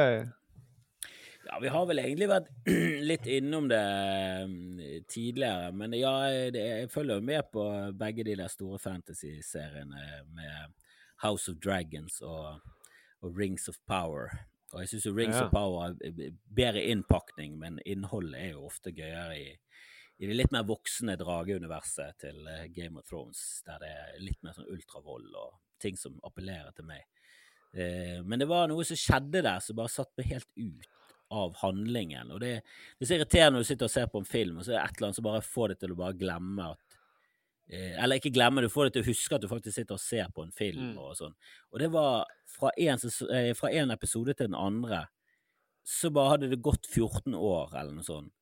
Og så hadde de byttet ut veldig mange av de unge skuespillerne. Og så de eldre skuespillerne hadde de bare sminket litt eldre. Og så var det én som bare så dønn lik ut. Han hadde ikke forandret seg i det hele tatt. Dette er det House of Dragon, sånn- sant? Ja, House House of Dragons. Så det var veldig sånn forvirrende. For det, du skjønte i starten at å ja, faen, er det en ny Renera det? For jeg likte veldig godt hun som hun var, hadde liksom lyst hår og var Renera, hun som skal ta, overta tronen. Ja. Eh, liksom tronetterfølgeren. Og jeg liksom eh, det, det, det universet sitt Märtha Louise, da. Mm. Eh, At, at for det egentlig så skulle Märtha Louise, hvis vi hadde vært et oppegående folkeslag, så hadde hun tatt over tronen. Og nå var jo vi veldig heldige, egentlig, med at vi var litt bakstreverske og konservative. Eller uheldige, for det hadde jo på mange måter vært litt gøyere med Märtha og Durek på tronen. Det hadde jo Ja, Det hadde i hvert fall først vært Det har vært Ja, Ja, først, ja. ja, ja Nei, men nei, nå, det- det- sant ja, ja. ja, kanskje han ikke hadde tatt sitt eget liv hvis han en gang kunne bli konge. Men det vet jeg aldri. Eller kanskje han bare hadde blitt prins, kongegemal. Jeg vet ikke helt hva tittelen heter, han er danske. Nå er ikke han her til å forsvare seg. eh, Jo, jeg har han faktisk med meg. Har du medaljongen til Durek? Nei, men eh, Og så var det eh, dronningen som eh, hadde blitt litt eldre. De hadde, de hadde skiftet ut tre-fire stykker, da. Men noen av de hadde ikke skiftet ut, og som var på samme alder. Som jeg ikke helt forsto hvorfor bare var den samme. Så jeg ble veldig satt Det var, det var sånn tilbakeslag. da. Du var nesten tilbake i episode én, og så måtte du komme deg inn i universet igjen. da. Men eh, jeg syns det, det bygger opp. Det, det begynner å bli en del intriger og eh, en del allianser. og det er jo det som er gøy med greiene. Hvem overlever? Hvem kommer til å ta makten? Så Og det er en veldig jeg behagelig serie. Altså bare, for jeg har sett uh, litt av uh, Maktens ringer. Så første episode der. Og så, så begynte jeg å se første episode av House of Dragon. Og eh, det, det som skal være skremmende i Maktens ringer, det er kanskje et troll. Mens det som gjorde at jeg skrudde av eh, House of Dragon, er jo at halvveis i denne episoden så er det en fødsel. Og det er mye mer skremmende enn alle monstre og sånne ting. Det er så ubehagelig, og du, jeg har ikke sett videre, men jeg bare skjønner at dette kommer ikke til å gå sånn som man på en måte håper at dette alt skal gå vel. Kan være at de gjør det, men da bare tenkte jeg ok, jeg vet hvem eh, serieskapere som har laget dette. Jeg bare skrur av nå. Ja, det er HBO, og hvis de bruker mye tid på en fødsel så, der, så går det til helvete. Ja, det er iallfall den følelsen jeg har. Det kan være at det er lurt nå at uh, folk som har sett dette Ja, men der tok du feil, Sturle. Det gikk helt fint. Og så vokste det opp et sunt guttebarn, og så ble det ikke noe stress. Ja, det, er jo, to helt forskjellige målgrupper for, eh, for eh, House of Car Eller eh, Game of Thrones er jo egentlig Ringenes herre for voksne. Det er jo Og det bør jo egentlig ikke funke, for fantasy-sjangeren er jo litt sånn barnslig, og du må tro på drager, og det, det, blir gøyere hvis du liksom bare lar det La deg forføre av eh, fantasien, og, og du må liksom leve det inn i det. Og det er Alver fins på ekte, det må du liksom bare være med på. Og det, er, da. det, det er liksom vanskelig å få til, da, for det er så teite rammer. Men av en eller annen merkelig grunn så klarte liksom George R.R. Martin å skape et veldig sånn troverdig univers med drager og sånn. Eh, Det, det er liksom et kunststykke av en annen verden. Men samtidig så derfor- er det helt sånn brutalt og eh, utrolig lite Altså det er veldig sånn usensurert, utrolig vond vold, da. Det er ikke sånn gøy vold. Det er sånn au, satan! Det der så helt jævlig ut. Mm. Men det er jo sånn eh, Dette kommer jo Jeg, jeg føler jeg gjentar meg sjøl mange ganger. Men når du sier at du sliter med liksom å leve det inn i det når de skifter skuespillere For jeg faller jo av bare når det er drager. Det er jo alvor. Ja, det skjønner jeg. Det, mm. så, um, så det virker nesten som en større hinder enn at de skifter skuespillere. Ja, det var en sånn ting eh, Jonas Bergland gjorde en stund. Og han er jo veldig sånn rasjonell og eh, vitenskapelig, og liker tydeligvis ingenting som har noe som helst fantasi i seg. Da faller han av. Og så Mm. kommer han med sånn filmanmeldelse. Nå skal han anmelde en sånn Marvel-film, og så begynner liksom greia med Og så kan han fly. Og det er jo tull. Altså, ja, men det er jo liksom Du må jo kjøpe det premisset. Hvis ikke du kjøper det premisset, så er jeg ikke interessert i hva du mener. For da er jo du på feil side. Det er jo som å si vet du, Jeg hørte på jazz, og vet du, jeg liker ikke jazz, og jeg likte ikke dette heller. Jeg. Syns det var en dårlig jazzplate, og jeg syns ikke Miles Davis er noe flink. Jeg syns han skriker for mye med den trompeten. Han, tydeligvis, Mm. han kan det ikke godt nok, da. Han spiller liksom ikke den der fine Frank Sinatra storbandmusikken som jeg liker. Så jeg Ja, gir han i- null i ternekast. Miles Davis er en dårlig trompetist. Rett og slett den Ingen, ingen Beethoven på platen, så derfor gjør han uh, ternekast til. Jo, men det. Star Wars er jo også sånn, altså sånn at når de TIE Fighterne flyr i verdensrommet, og du hører den der skrikelyden, og du kan se laserskuddene og sånne ting Selvfølgelig, det går ikke an. Fysikere ville jo sagt nei, dette er ikke mulig. Men du må jo bare kjøpe det og si ja, ja, men det er kult. Hva er det de ville sagt ikke var mulig at uh, Nei, for sant, Du kan ikke høre lyd i verdensrommet. Så alle Mm. de der eh, romskipene som hører kanonene, og de eksploderer, så hører vi eh, eksplosjonene. Vi hører også TIE Fighterne, det er liksom de onde sine jagerfly. Vi hører at de flyr, og så har de sånn sånn slags skrikelyd når de kommer. Så Det er problemet med å være for nerd. At du, du, du begynner å se huller i nerdeseriene. Jo, jo, men du, eller du må være med på leken, rett og slett. da. Ja, ja. Så du må liksom Ja, det- på en måte ja, men- kjøpe det dragene, men det er teit. Men ja, ja, fuck it. Liksom. Ja, men det er liksom det hele konseptet. Sant? Du må kjøpe dragen, du må like det der elementet der òg. Og, og Game of Thrones var jo faktisk så bra at folk som ikke likte drager, greide til og med å, å bli med på reisen. For det, det, var noe, det var noe mer det. da. Det var veldig bra dialog, det var gode skuespill. De tok det veldig seriøst. da. Det var 100% hele tiden. Og så Mm. insisterte de så lenge, og så var det noen ikoniske scener, og så var Kildematerialet var jo fantastisk. Det, Ringenes herre, nei, Game of Thrones er jo også sånne bøker som folk som ikke liker fantasy, har lest. Jeg kjenner jo mange som aldri har lest en fantasybok, men de har lest den, for det, den er rett og slett visstnok helt vanvittig bra. da. Eh, og det, det, ja, det, jeg syns det er et kunststykke da, å greie å forføre masse voksne folk til å følge med på en serie som i bunn og grunn er veldig barnslig og veldig teit. Mm. Men, men når det er kvalitet, så er kvalitet det er, det er kvalitet. Så det funket.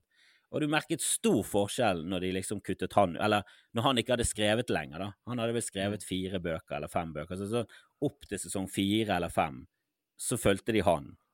Ja. Og så ble det tatt mer og mer over av de som var showrunner, og de, de som skrev der, da. Og det raknet jo fullstendig. De, de klarte liksom ikke å finne den der eh, De klarte ikke den der langsiktige plantingen av ting, og, og eh, ting i episode én i sesong to, og høstet i sesong fire. Det Mm. klarte de ikke. De ble for utålmodige. Og det var hele tiden på jakt etter den formelen. Og de begynte å gå inn i en sånn formularisk eh, TV-verden, og det, det passet ikke i det hele tatt. Nei, og det, det er merket litt- jeg også i den serien, at uh, det som er har funket med han, men òg var frustrerende, er jo at uh, du har så lyst at de skal klare å løse den oppgaven de blir gitt. Du har så lyst at Stark-familien i nord da, skal ta rotter på de i sør. Men eh, de bare drar det ut. De får aldri den der uh, hevnen. Som gjerne en film, da, så går det etter en og en halv time, så kommer helten, og nå setter han alle på plass. Og så det de har brukt sånn i fire sesonger på sakte, men sikkert nærme seg. Og så blir det en, en sånn scene hvor de eh, får sin hevn, men det blir liksom løst på eh, ja, syv minutter. Så Ja. eh, Altså, eh, referansen er The Red Wedding, hvor eh, deler av Stark-familien dør på en grusom måte. De blir eh, dolket eh, i ryggen, fysisk også. Og så venter du på at noen må jo hevne dette en eller annen gang.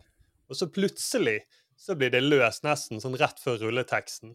Så løses det veldig fort i syv minutter. Og da skjønner du at ok, nå har tekstforfattere som har dårlig tid De tekstforfatterne skulle vel over på et annet prosjekt, om det var Star Wars eller noe sånt. Du skjønner, shit, nå må vi begynne å skrive, nå må vi presse fram handlingen. ut. Ja, Ja, men det der, det med Red Wedding det er jo ikke bare det at mange hovedpersoner dør. Det er jo liksom en, en helt svær historie, plotline. Liksom en svær, En av hovedlinjene i serien. Det er liksom to-tre hovedlinjer, og det er en av de. Den blir bare kuttet av med hodet. Og det er bare sånn Nei, det er ingenting mer her. Det var slutten. Det var sånn det sluttet. Du trodde Mm. det skulle slutte med at de angrep hovedstaden og vant, men nei, de tapte ganske tidlig. Ja, de det- tapte tidlig. altså, Og det er sånn det er, det er brudd på alle mulige sånne klisjeer og stereotypiske Hollywood-måter å fortelle historier på. da. Og det Mm. var, det, det var bare passet helt perfekt inn. da. Det var liksom som Walking Dead i starten. At Ja. du, du var ikke sikker på hvem som overlevde. Alle kunne dø. Og så etter hvert så er det sånn Nei, han kommer ikke til å dø, og han kommer ikke til å dø. Og så hver gang noen døde, så begynte de å lage en hel episode om at en døde. Mens i starten så var det bare en, en stor rolle som bare plutselig fikk en pil i trynet, og så døde han. Og så var det ikke noe mer enn det. De bare gikk videre, for livet går videre. Han døde, det, det er sånn verden de lever i. Og det var det som var liksom feelingen i serien. Mm. Når Mm. de begynte å ha saktefilm og, og store episke musikkstykker, og folk gråt, og alt var i saktefilm i to minutter, så var det bare sånn Men det er jo ikke det som er, det er, det som er kjernen i denne serien. Kjernen i serien er jo zombieverden, ta det på alvor. Dør du, fuck it, vi må videre i livet. Det er sånn, jeg føler det Når de har Når det er en med sin hjerne som er så viktig for hele serien, da, som det tydeligvis er her eh, så, Og så at ikke man skjønner at med å bytte den ut, så, for, så tar du vekk det som det, det som er så bra med det. det. Det er litt som om du skulle tatt ut Sigrid Bonde Tusvik fra Tusvik og Tønne og erstattet henne med Linn Skåber og trodd at dette blir akkurat det samme. Men det gjør ikke det. det blir, for hun er jo populær på en annen måte. Hun funker på en annen Hun kan kan ikke funke i den settingen, liksom. Ja, det er nesten verre enn det. Det er nesten som du setter inn Linn Skåber, men hun spiller Sigrid Bonde Tusvik, og hun Ja. later som hun er Sigrid, og så mm. bare fortsetter de videre med livet. Men så blir hun gift med en, eh, en homofil mann, og så bare går det helt over styr. Plottet mister helt mening, og plutselig har han fått ekstra barn. og bare sånn, De bare gønner på med det som egentlig er gøy, da, men det blir overdose. Det blir ikke, det blir ikke ekte lenger. da. Nei, det, det er irriterende. Altså, The Walking Dead, som jeg elsket i starten, og bare jeg har ikke fullført den, for han bare ble for dårlig. Og det er veldig utypisk med Jeg ser alltid alt ferdig. Jeg har aldri gått fra en film i hele mitt liv. Jeg ser alltid ting ferdig. Men det ble, det ble for pinlig, rett og slett. Det, ble, det, var, det, tok jo så mye fra meg å se en episode at jeg bare måtte slutte med det til slutt. For det var noen episoder som var bare motbydelig jævlig dårlig. Det var helt grusomt. Og i starten Men- så var jo Frank Darabont, han som lagde The Green Mile og, eh, og Shawshank Redemption, har han vel også laget. Han er jo en god filmregissør. Og han elsker Stephen King, og han er liksom inne i den her horrorverdenen. Og han var liksom sånn Vi skal lage en serie der hver episode er som en film. Det skal liksom være filmfeeling. Alt skal være bra. Og så var det sånn ja, vi sparer ti Vi sparer veldig mye penger hvis de bare er på en bondegård i fem episoder. For da har vi det samme location. Og bare sånn Ja, hvis jeg vil gjøre det på den måten, så stikker jeg. Og så stakk han. Og så bare sank kvaliteten noe ekstremt. Ja. Men- Og men House of Dragons- ja. Jeg bare, sorry, jeg bare si på Walking- Dead. Du, for, du- for du får den feelingen at det er liksom, for hver sesong så skal vi være i en ny location. Det er det bondegård i sesong Ja. to, og så skal vi være i fengsel i sesong tre. For da sparer vi, mm, da sparer vi de pengene. Sorry, men vi må tilbake til House of Dragon, Markus. Ja, den holder, eh, den holder koken. Bortsett fra dette bruddet som uh, setter ut. Ja, altså, det, det er litt rart, for det virker som om effekten har blitt bedre utover i sesongen. I starten så syns jeg det så veldig falskt ut, og hvis du går tilbake til tidlig Game of Thrones, så ser du at å ja, de fikk et større budsjett etter hvert. Men jeg trodde liksom at det budsjettet skulle bli videreført til denne serien, og at de skulle starte der, da. Eh, og når du, du ser veldig klasseforskjell på pengebruken når du ser Amazon Prime sin eh, serie som Jeff Bezos tydeligvis har vært sånn ja, koste hva det koste vil, bare kjør på. Og dette her som er litt mer sånn Ja, vi har lyst til å tjene penger på dette, så la oss holde oss til locations og ikke ha så mye effekter. At, at de der storslåtte scenene er jo gigantiske i den Ringenes herre-serien, mens i Game of Thrones så er det litt mer sånn Ja, vi kjører dette i mørket, for det er litt lettere å få til effekter i mørket og sånne ting. Altså, uh, men handlingen er jo litt mer interessant, syns jeg, da. Intrigene og alt det der greiene. Det, er, det begynner å bygge seg opp. Hvem er det som står bak eh, på manussiden? Bygger dette på noe ja, det er jo eh, Nei, altså Der tror jeg det bare bygget på at eh, Det blir jo nevnt i bøkene. sånn Targaryen, det er jo der hun er eh, eh, Khaleesi. Eh, hun kommer derfra. Hun er jo en Targaryen. Og de har jo mistet makten. Det var de som hadde makten for lenge siden. Og da hadde de et dynasti, så de satt i flere generasjoner. Så de har liksom gått tilbake igjen til midt i det dynastiet der, og så følger de liksom eh, det når de hadde drager og var liksom ja, det var de som satt med makten, og de hadde drager, og derfor hadde de makten. Og, og så tar de liksom det videre derfra, da. Men det er vel noe som bare er nevnt i litt sånn bisetninger her og der i de bøkene. Jo, jeg skal bare si, uh, for det, Jeg lurer på om eh, House of Dragon om det er en sånn venteserie. For nå så jeg at uh, han karakteren John Snow, som uh, i Game of Thrones, han kommer nå med en ny sånn serie i Game of Thrones-universet. da. Ja, for han så, døde jo ikke. Nei, han dør ikke. Så han, Og da er visst han og denne hunden, eller ulvehunden, eller hva det er for noe, Ghost. Men, og det tror jeg skal være liksom fortsettelse på Game of Thrones. Eller han, dør, han, han de, dør jo egentlig, men så kommer han tilbake. Han kommer tilbake, Men de reiser nordover, da? Eller Spoiler alert. Ja, ja, ja. Han uh, kommer tilbake. Men uh, ja. Mm. Så kan det være at dette er bare en venteserie, da.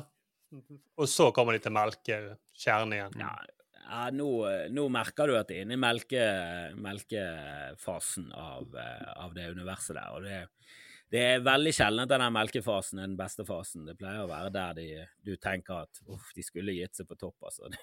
Det, dette begynner å bli pinlig.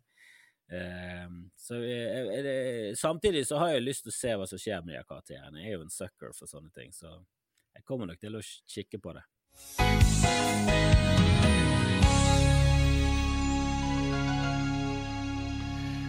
Men Sturle, hva har du sett på eh, TV denne uken? Jeg har sett uh, Apropos melking, nå, jeg skal bare si at uh, jeg snakket jo varmt om Andor. Uh, Andor, denne Star Wars-serien, som for noen episoder siden. og men da må jeg bare si at alle melke- og venteepisoder Vent med å se. De slipper, Disney slipper jo begynte med tre episoder, og så slapp de én i uken. Nå vil jeg si til alle sammen eh, som har kanskje skulle hørt på rådet mitt, vent litt med å se. Fordi at de har en del sånne serier som så er sånn venteepisode. Eh, episode fire er sånn dette er en venteepisode. Nå skal vi bygge opp litt spenning, for det kommer til enten bli spenning i episode fem eller seks. Mm. Så eh, bare så ikke dere blir skuffet. Jeg vet ikke med dere, men for meg så er de verste episodene de der de går tilbake inn i tid, og så skal de ja. fokusere på og hvordan kom han egentlig fra Jamaica til New York? Så nå skal hele denne episoden handle om det som dere egentlig vet hvordan endte. Men eh, også bare sånn jeg, jeg skjønner ikke hvorfor de gjør det. Jeg husker Lost gjorde det der hele tiden. Og du ble så, du ble så dritlei hver gang det begynte en sånn episode. Så var det sånn, Fuck, er det sånn drittepisode der du skal fokusere på én karakter og oppveksten? Ja. Vi har snakket mye om det her, sånne venteepisoder. Men, men eh, Cobra Kai òg gjør det jævlig mye. Ja. Eh, det, det, er det som er litt den funksjonen, at du ser å ja, det var derfor han ble så ond som han ble. Da får jeg litt mer hjerte for han, på en måte. Mm. Men, men de har jo ikke noe forskjell, han er like ond fremdeles. Nei, ja, Da er det litt sånn å fylle episoder. Altså, det er vel litt sånn at de har fått en pott. Dere har en historie til åtte episoder, eh, men vet du hva, dere må gjøre det på ti episoder. Mm. OK, men nå skal vi dra det ut litt. Ikke at denne episode fire ender er sånn dra ut, det er ikke det. bare at du har lyst til å få litt mer action enn du får i denne episoden. Du sitter og venter ja, jeg syns det er et kult grep, men det bare misbrukes alltid. Mm. Det Ja, er så å si aldri at det brukes på den måten det skal gjøres. At du faktisk får nye opplysninger. Så når du kommer tilbake inn i serien, så er det sånn OK, nå gikk det opp et nytt nivå, for det, nå vet jeg så mye mer om hvorfor han gjør de tingene. Og det har vært litt sånn uklart hele veien. Du vet ikke hvorfor han Og så får du en sånn oppklarende episode, og så kommer du inn i en Men nå er det bare med sånn Nei, nå skal vi fokusere på denne karakteren. og Så skal vi få origin stories til denne karakteren. Og så bare sånn Er det en spennende origin stories? Nei, hun ble født, og så hadde hun familie, og så vokste hun opp. og så gikk på Bare sånn, Ja, men da er det ingen vits i, da. Det må jo være noe vits i. Det må jo være noe som kommer frem der, som er viktig for selve plottet. Det virker veldig som en sånn Dere har Ja, det, vi har bare historie til åtte episoder. Ja, da får vi ta to av de der eh, tilbakeblikkepisodene, da. Lost, Lost var en sånn. Det har vi Arild snakket mye om på podkasten, at eh, de hadde manus til de eh, De visste hva det skulle skje de fire første episoden, eh, sesongene. Og så sa de vi vil ha ti sesonger når de ble en hit, og så måtte de prøve å gjøre masse. Ja, Men vet du, jeg fikk et helt nytt forhold til TV i Hollywood når jeg så dokumentaren til eh, 24. Jeg så en sånn DVD-boks, så hele første sesongen om igjen. Jeg syns jo det er en fantastisk spennende serie, da. Der, der må du også bare legge all sånn realisme på hyllen, og så må du bare kose deg. Hvis du klarer å kose deg, så er det faen meg action fra første stund av. Men så så jeg bakom filmen, da, og han er Brian Grazer, han produsenten som jobber ofte sammen med Ron Howard, og jeg har jo sett navnet hans hundrevis av ganger. Han bare snakket om at de hadde jo bare skrevet eh, piloten og hadde handlingen to-tre episoder fremover. Og så spilte de inn det, og så ble det en sånn sinnssyk suksess, og det var sånn OK, dere får en full sesong. Så de hadde ikke fått en full sesong når de begynte. Og da var det fra hver uke til uke så var det faen skal skje i denne episoden. Og så var det bare kaos. Det var ingen, det var ingen sånn at de hadde sett for seg tre sesonger frem og utviklingen til karakterer. Det var fullstendig kaos. Fra uke til uke hadde de full panikk. Det var som å begynne på blanke ark hver uke. Det var sånn OK, hva skal skje nå? Og det var plutselig en sånn Skal vi ha inn en skurk? Ja, hvem kan spille skurk? Det er lenge siden jeg har sett Dennis Hopper. Kan noen ringe til Dennis Hopper og spørre om han kommer? Dennis Hopper er med! OK, hva kan han spille? Altså, det var helt kaos. Det var ingen, ingen sånn gjennomtenkte linjer. Sånn som Breaking Bad, der du merker at Altså, han vet hvordan serien skal gå. Han vet ikke Mm. fra episode til episode, men hver sesong så vet de hva som skal skje, det, og de har et endepunkt. Her var det bare totalt det motsatte, og det var så, det var så overraskende. Skal jeg skyte den i hodet, eller skal jeg skyte den i magen? Prøv begge deler. Nei, sky- skyt den i magen, for da kan han komme tilbake. Kom igjen. Ja. Og det var jo sånn de fant ut at hun er eh, hun nærmeste vennen innad i det der Jeg vet da søren hva det der eh, CTU, eller hva det heter, det han jobber for. Eh, Coun- Counter-Terrorist Unit, eller et eller annet sånt. Den nærmeste, liksom, han, han som, hun som var partneren hans, hadde jo blitt mistenkt for å være forræder, og så fant de ut at hun ikke var forræder. Og da var det sånn to episoder igjen, og bare sånn Vi er nødt til å ha en twist på slutten. Og så bare Hva hvis hun er forræder, da? Og så bare sånn Genialt. Nydelig. Ingen som ser det komme. Og det var fordi at ingen hadde tenkt på det før akkurat da. Det var, det var kjempegøy å se den dokumentaren, men jeg mistet veldig respekt for hele Hollywood og denne TV-bransjen. Det er tydeligvis at det bare blir styrt av mye mer kaos enn det du tror. Det er sant. Og det er eh, Det var for øvrig Jeg husker når vi jobbet i Studentradioen, så var det ja, Vi var, jobbet i det i mange år, og så var vi så irritert på Det var så mye rot og så mye eh, greier. Og så var det en kompis av oss som fikk jobb i NRK, og så sa han eh, Oi, det må jo fett, der er ting på stell og alt sånt.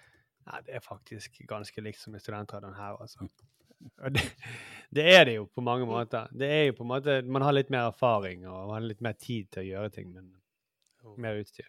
Men jeg tror hele TV-bransjen er veldig mye sånn 'vi redder det i klippen'. Ja, det er det. Mm. det men det, det var det andre du ville snakke om, Sturle? Nei, nei, nei, det var bare det jeg skulle si. at uh, som, hvis det, Jeg vet jo ikke om det er noen som hører på rådene mine. Jeg tenker at det er mange som hører på uh, Arild sine råd, men kanskje ikke mine. Men jeg bare sier at uh, vent litt. Det er en uting med Disney. På en måte er det bra at de slipper med én episode i uken, men av og til er det litt digg med Netflix når de tar, hiver ut mange. Du faktisk får sett igjennom ting. Men det jeg har sett, er Komiker på VG+. Det er programmet til Ole So.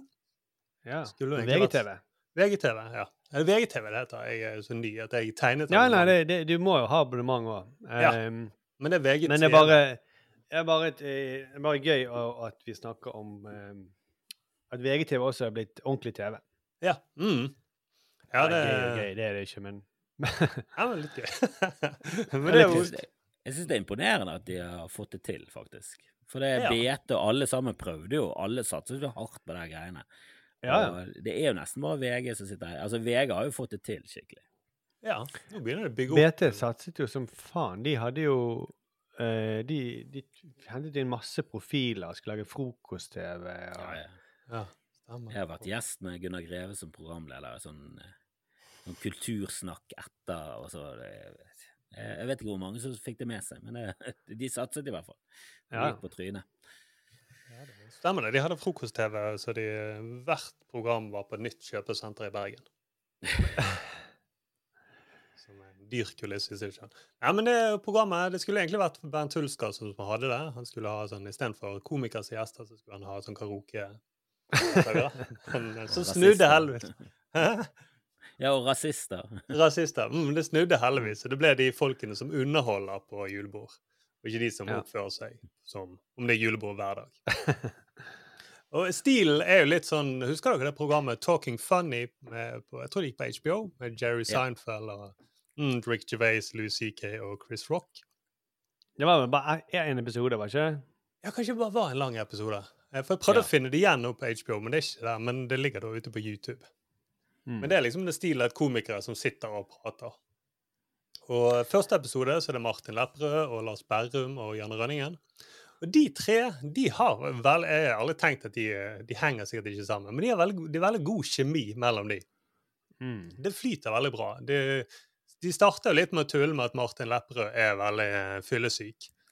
Eh, Så de plager han litt for det, og så kommer en del vittige historier fra diverse jobber som de har gjort. For eksempel så forteller Martin han eh, forteller da Lars Berrum ødela en eh, standup-kveld for eh, Martin Lepperød. Vi kan bare høre litt på det. Så går jeg på scenen, gjør, snakker litt med, og da snakker man litt med publikum. Og så er det en eldre fyr helt bak som jeg slenger en vits til, for han ler på en måte jeg legger merke til.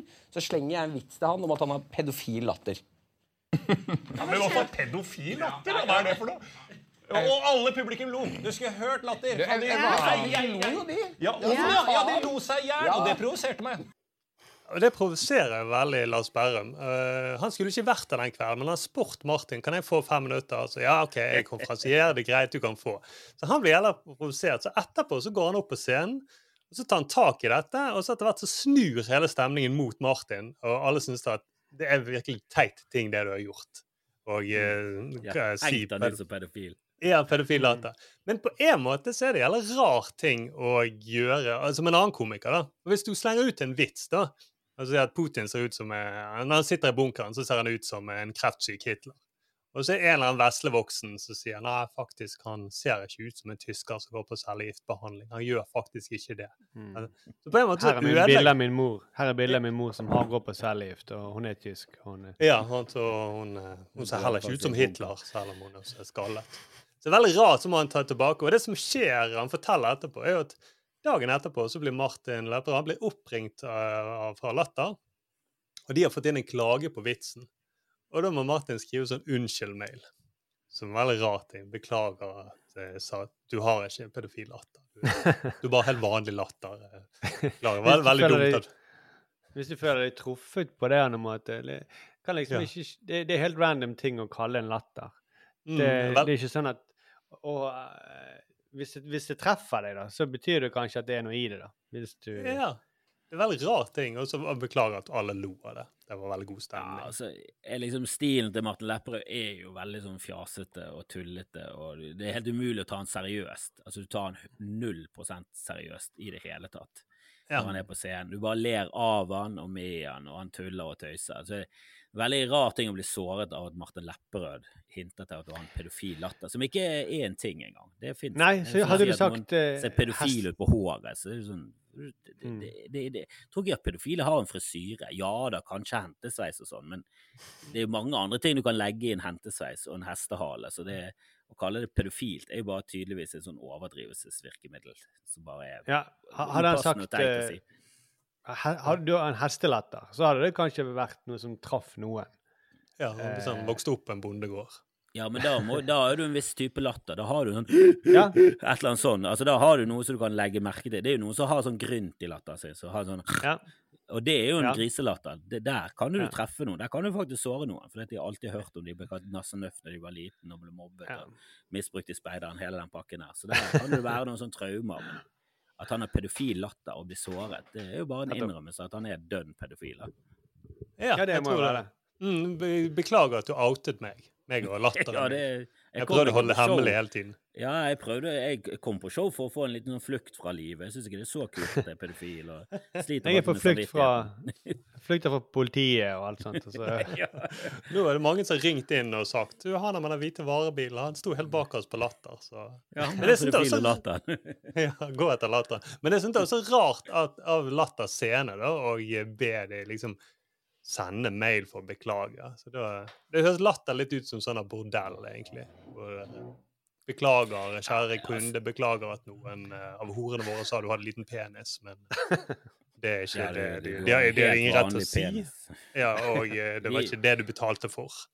Nei, du kommer ikke her for å bli dømt for den pedofile penisen din. Det, det, det er jeg for. Nei, da har du heller lyst på en sånn Netflix som er sånn Ja, Chapell, han burde ikke dere ha hatt show med. Og så sånn Ja, men vet du hva, vi syns eh, Det syns vi. Så det, Ja. det, var, det er slutten på den. Så det, det er veldig fritt opp til deg om du har lyst til å se på dette eller ikke. Men vi har masse Ja, men- annet innhold, så jeg skjønner ikke helt hvorfor du Men hva var de redd for å miste alle de pedofile kundene sine på Latter. det, Ja. Ja da. og, skremmer, de, eh, bort. Det er bygget, eh, Hele imperiet til Elina er jo bygget på pedofili. Altså Uten det så hadde jo hele grunnmuren raknet. Da hadde jo Mm. t- 12 av kundene forsvunnet. Så det, Jeg skjønner jo den òg, da. Men av og til Ja. så bør du kanskje forsvare komikerne også. Ja. Eller har du noen gang måttet Må du Har det hendt at du må skrive mail dagen etterpå og beklage til Nei, og vi har aldri Vi har fått noen sånne sinte mailer, og det er som oftest av folk som har blitt kastet ut fra Standup Bergen, at de har vært for full. Ja. Og så har de eh, ikke ment at de har vært full, men de har forstyrret showet, og de har fått advarsler. Til slutt så har de blitt kastet ut. Eller som oftest er det én, og så blir hele gjengen kastet ut, for de begynner å krangle. Mm. Og når de liksom syter og klager på det, så er det Det er jo ingen nåde der. Det er jo bare Ja, hvis de forstyrrer showet, så, så er jo det forferdelige mennesker. Og Mm. vi, altså, da vil vi heller ta vare på de publikummerne som faktisk klarer å oppføre seg. Eh, så nei det, nei, det skal mye til for at jeg unnskylder. Og eh, jeg har opplevd eksempel Jonas Bergland, som jeg nevnte tidligere. Han sto på scenen en gang, og så fikk han klage på at det syntes det var upassende. Og det var, var en lang kronikk i avisen der han ble dratt frem som et sånn eksempel på plump og dårlig humor. For han hadde en litt sånn billig vits, og eh, jeg tror ikke han har med i repertoaret sitt. Men han testet ut ting, og så hadde han en vits om en som ble voldtatt. Og så var det et eller annet med utseende. og Ja, Hun burde faktisk vært glad for at hun i hvert fall hadde sex den kvelden. Altså et eller annet sånn veldig jeg skjønner jo litt sånn hva han prøvde på, men det er jo sånn, ja, det, det kan jeg skjønne at folk reagerer på. Jeg syns det var en ufin Mm. vits. Og, og da sa jo han selv at jeg vet at den vitsen kan ikke stå inne for, og jeg beklager. Jeg beklager for at jeg har sagt dette foran folk, for det, det kom ut feil, og jeg skjønner hvorfor folk reagerer, og det må jeg rett og slett bare unnskylde, for det, det var ikke meningen. Beklager at han er mann med voldtektslatter bak i salen lo. Men jeg, jeg skjønner hvis jeg har sagt masse på en scene der har tenkt i det jeg sier det, at ok, dette kan ikke stå inne for, det, ble, det kom ut feil. Men jeg har aldri fått sånn klagemail, for jeg tror folk skjønner at det, jeg, jeg tar meg ofte i det og, og sier bare sånn OK, det, jeg gikk litt langt der. Det, det, det trekker jeg tilbake. Det, er akkurat det Ja. siste der må jo rett og slett stryke. For jeg, kan, jeg mener ikke det i det hele tatt. ja, men det er vanskelig, da. Du prøver jo ut nye ting. Det er jo derfor du står på scenen på sånne steder. da. Det er jo for å teste ut materialet, det er jo for å bli bedre, og det er for å bygge opp materialet til et show. Så hvis du sier det på premieren, så står du inne for det. Men alt før premieren kan ikke jeg stå inne for. Nei. Og så er det jo Ja, sant. Jeg tenker Mye av det er jo bare vitser òg, da. Altså sånn. Jeg skjønner ikke, Det er nesten sånn jeg føler at de skal trekke seg og alle kommer tilbake til komiker. Hvis Nei, jeg, altså jeg syns regelen bør være at hvis du klarer å stå inne for det du sier, og du faktisk mener at det er humor, og at du ikke mener å såre noen, og folk blir såret, så er det sånn Ja, men det, det, dette Jeg syns han er gøy. Dette står jeg inne for.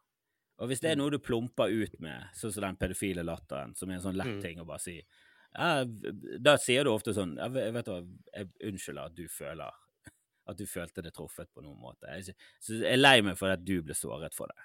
Men du er jo ikke lei det sånn innerst inne. Men det er jo synd at publikum går vekk og ikke syns at det var gøy. At de ble fornærmet. Da. Det er jo ikke det du vil når du står på scenen. Og jeg har opplevd en gang at jeg ikke fikk full betaling for en jobb fordi at jeg, sto for kort, og så var ikke jeg morsom. Og det var jo derfor jeg sto for kort. For det var ikke noe gøy. Det var ikke noe gøy for noen, det var sent.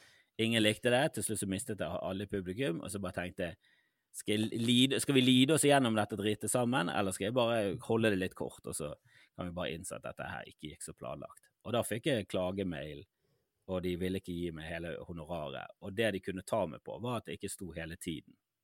Så de likte meg ikke, de syntes ikke det var noe gøy, og de ville ha mer av det. For det er rart, det er vittige ting. Janne Rønningen forteller en eller annen eh, hendelse hvor hun eh, da i, eh, har gjør en eh, julebordjobb. Helt drit, virkelig ræva. Men så er det rare. Selv når hun er ferdig, så er en del av opplegget at hun må sitte og spise med de folkene etterpå. Og Det synes jeg er så jævla teit. Vi har fått en, noen ganger forespørsel av meg og Markus når vi har noen sånne eventer. Har dere lyst til etterpå å, å sitte og spise med de gjestene? Gjerne før og etter at dere er på scenen. Jeg tenker Det er så rareste forespørsel. Sånn, hvem som har lyst til å For eneste er at Vi prøver å gjøre en jobb, så du har lyst til å holde fokus på det. Og så etterpå så har du ikke lyst til å sitte med de. Nei, jeg har Jeg på- gjort det der. Du er liksom på litt sånn avsidesliggende sted, og det er lukket, og det er bare den gjengen, og bla, bla, bla. Og, nei, det er sånn, du sitter og spiser med, du er dritnervøs, fordi mm. du vil jo bare at det skal gå bra, og når du står på scenen, så er det bare sånn, dette må jo funke, for det plan B er jo at jeg, jeg må sitte sammen med dem, og så har det stinket. Og det, det orker jeg ikke. Så du vet jo for aldri hvordan det går. At vi skal skjerpe oss litt. da. At de, holder holdes på tå hev. at Det presset. Ja, jeg tror de tenker at vet du, det er jo drikke, du får gratis drikke, og vi er jo kjempegøy. Vi er jo en kjempegøy gjeng. Dette er jo som en ekstra betaling. Altså, I tillegg Ja. til de pengene du tjener, så får du dette som en gavepakke fra oss. Og det er bare sånn Hva er det du snakker om? Det er jo fremmede folk. Jeg er livredd dere. Jeg har ikke lyst til å drikke med dere. Jeg drikker nok på egen hånd. Hva faen er det du snakker om? Dette er ikke noen gulrot for meg. Dette er jo et, hel et sant helvete. Ja, Oddsene og så på er det, Altså, er det også det- fordi de vil, de vil henge med kjendiser. sant?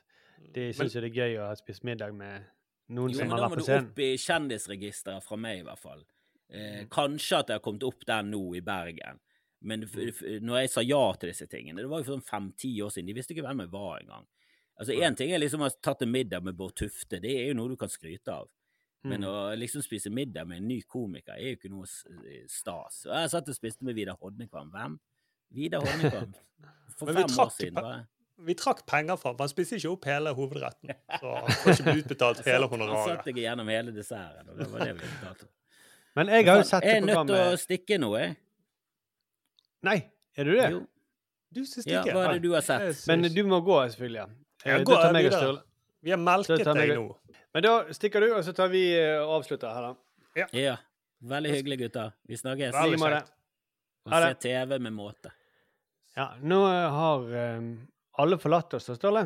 Ja, vi har, de har forlatt oss. Uh, ikke i sinne, håper jeg, da. Uh, tror Nei. at de hadde mer TV de skulle se, tror jeg. Jeg velger å tolke Nei, det må sånn. være det. Ja. Det, det må kanskje være noe med oss. Nei, det kan ikke være oss. At det er alltid bare meg deg som sitter igjen. jeg nekter Sånn som i livet, livet Ja. generelt. Det Mm, er jeg nekter å se et mønster. Jeg tror det er helt tilfeldig. Jeg mener at universet ikke er et rasjonalt sted. Vi får, oss nye, vi får oss nye venner, og så eh, er det hyggelig i begynnelsen, og så forsvinner de. Og så må vi få oss nye venner igjen. Det er jo det er så enkelt som det. Ja, og det som er fint å tenke på, Markus, er jo at hver dag, hver time, hvert minutt, så fødes det nye mennesker. Så vi Så vi vil, alltid, ja, vi vil alltid kunne finne noen nye venner. Eh, Selv om eh, Kristoffer Kjellrup vi, ja, Vårt vennskap med han, det varte ikke så lenge. Det gjør ikke det. Nei, men kanskje lenge nok, spør du han. ja. Jeg tror eh, Ja. I alle fall, jeg har også sett dette programmet Komiker, eh, som du sa. Eh, eh, og det er jo ganske sånn Det er jo ganske heftig produksjon. Eh, eller heftig er det jo ikke, men det, det jo, ser ut som en sånn Lindmo Light. Ned på en, er Sikkert på Latter, for det er bare latterkomikere som er der og snakker om hvordan det er å være på Latter. Ja, jeg tror de sitter på Njø scene eller noe sånt. Er det Når du spotter i introen, så er det sånn hmm. Men det kunne vært på Latter, da. Ja, i hvert fall så Så det gir jo faktisk eh, Selv om det er en slags promo for eh, Max Social og Latter, alle de som er tilknyttet der, da, så Mm. gir det jo noe til den eh, serien at alle de har et forhold. De har liksom møttes backstage og sånt. Det, Ja. det er litt gøy å høre. Ja, jeg syns det. Jeg, jeg syns egentlig det, det Ja, det kommer over til det backstage, egentlig. For det Jeg liker jo Det er det jeg liker, er kjemien deres. Men så er det jo noen ting Det er litt på formen, da. Og det ene jeg har hengt meg litt opp i, da, er jo de her spørsmålene til Ole. For det, altså, sånn, Deler av episodene flyter veldig bra. Men så sitter man igjen med inntrykk av at Ole kanskje ikke har gjort så mye research. Han har bare heller eh, skriblet ned eh, jeg skal si, veldig mange eh, spørsmål. Hør litt på de. Som litt sånn toppen av hodespørsmål. sant? Ja. Janne, eh, hvor full kan du være på scenen og fremdeles være bra? Lars, hva var siste showet du så? Hvor gammel er du når du dør? Eh, Når var sist du gråt? Når var sist du danset, Martha? Hva er du redd for, Jonis? Hvor gammel er du når du gir deg? Hvor gammel er du når du er ferdig som komiker? Eh, Hvor gammel er du når du dør, Martha? Hvordan dør du, Jonis? Ja, altså, men det er litt sånn eh, Litt følelsen Husker du når vi var på ungdomsskole eller på barneskole? Egentlig så hadde man en sånn eh, De der forhåndsproduserte dagbøkene. De Ja. hadde litt sånne her spørsmål. Hva er favorittmaten din? Eh, Hva velger du? Katt eller hund?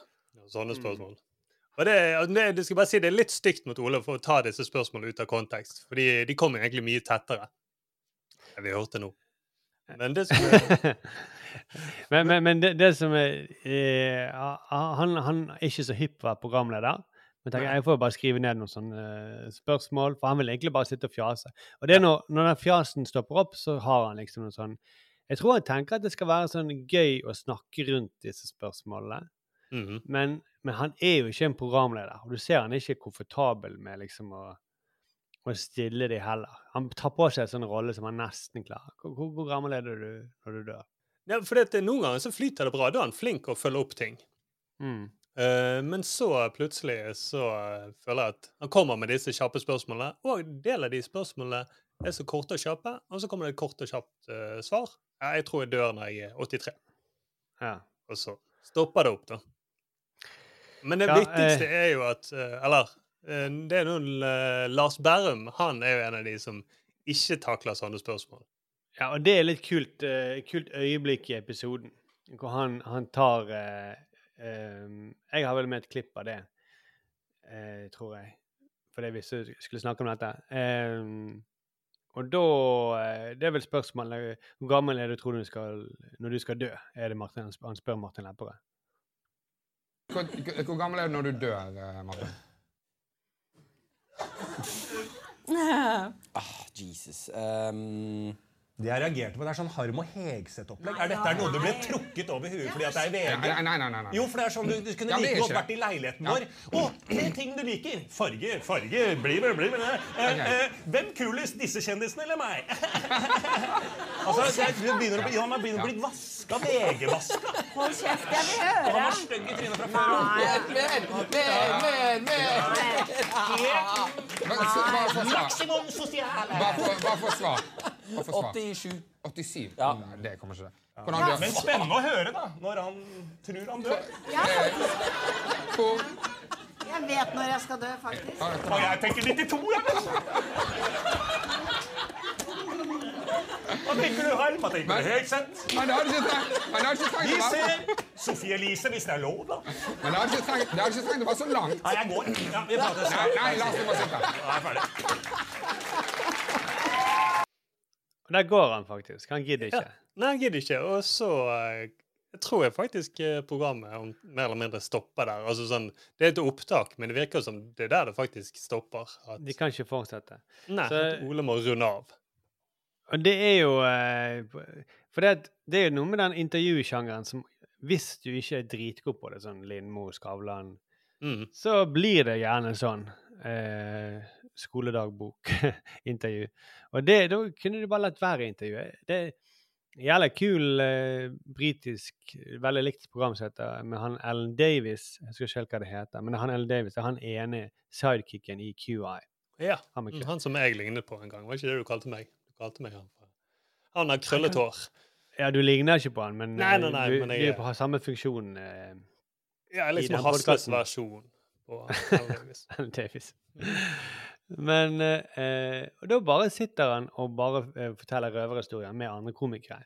Og det, det er ikke engang om ting som er backstage, men det er bare sånn helt Og det, så spinner de bare videre på dem. Liksom. Han er jævlig flink til å spinne videre på andres vitser. Mm. Men han har ingen sånn der eh, spørsmål eh, Er du en god pappa, eller Det, det er ikke noe sånt. Nei, hva stjernetegn skulle du ønske at du var født i? Og det er jo Ole jævla flink til å dra ting videre. Så han, han skulle jo bare Skulle ønske du var født til. Men Det er jo Ole veldig flink til å bare dra sånne ting videre. Han skulle jo bare kjørt på det, da. Ja. Mm, det var det han skulle egentlig Og det, det tror jeg han gjør også, for du ser deler av begynnelsen, så tror jeg han spinner litt videre på det. Eh, men så blir han sånn fanget da.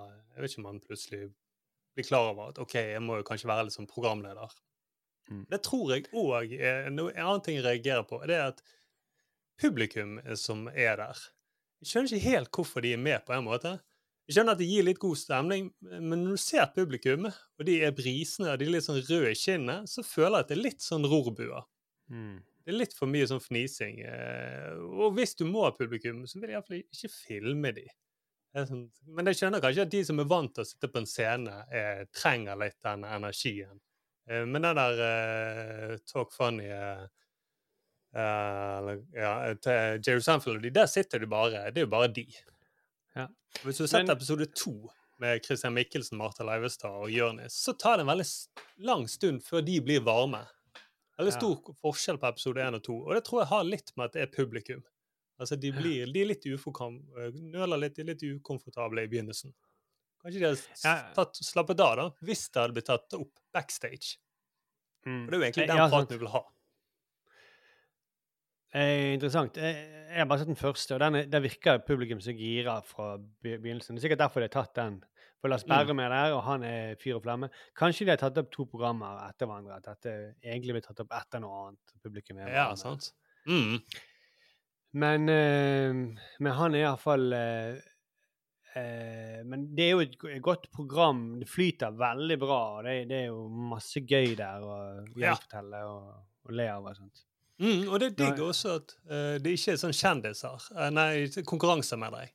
Det er ikke det Ja, der konkurransegreiene. Eller det er noen sånne syke oppgaver som eh, ofte er på sånn netting. da, altså Sportsklubben. Nå skal dere gjøre det og det og det. Men Mm, at faktisk. VGTV tør å satse. Jeg vet vi skal lage noe som ikke er konkurranser, ingen syke oppgaver. Vi skal bare høre folk. Jeg kommer til å se flere, men jeg, jeg tviler på at det, det er mange som er bedre enn den første episoden. Det er Lars Berrum som gjør den, og han har jo sånn Mm. enorm energi å Ja. fortelle. Sikkert litt uh, slitsom for de andre. at når- Idet han går, så sier jo faktisk Janne Rønningen ah, det var deilig. Fordi han er Mm. nok veldig dominerende. Ja, ja, ja. Og hun snakker litt om at hun har ADHD, er vanskelig å konsentrere seg. Det er fordi at, at i hennes hode. Men da er hun sikkert som at hun har en eller annen ADHD-lidelse ved siden av seg. I tillegg så gjør det vanskelig å konsentrere seg. Ja. Men nå, Sturle, nå er det tid for uh, denne ukens høydepunkt.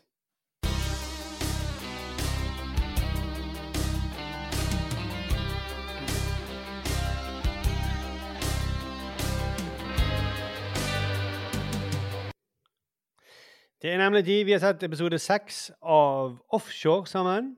Mm. Eh, eller ikke sammen, men begge to har sett det. Ja, ja, ja. I sesong én. I sesong én, vel å merke. Bra. Ja, nå, eh, vi, er- vi ser jo offshore fra begynnelse til eh, slutt, og vi, eh, det er jo mye Overskriften for denne episoden her, det vil jeg si er humor. Det er veldig mye humor og latter i denne episoden. her. Det er sant, det. Det er liksom Det var litt sånn storm for noen andre episoder. Da var det jo mye som gikk til helvete. Men det er sant, det er veldig latter. Det er mye, mye pranks og mange som ler høyt.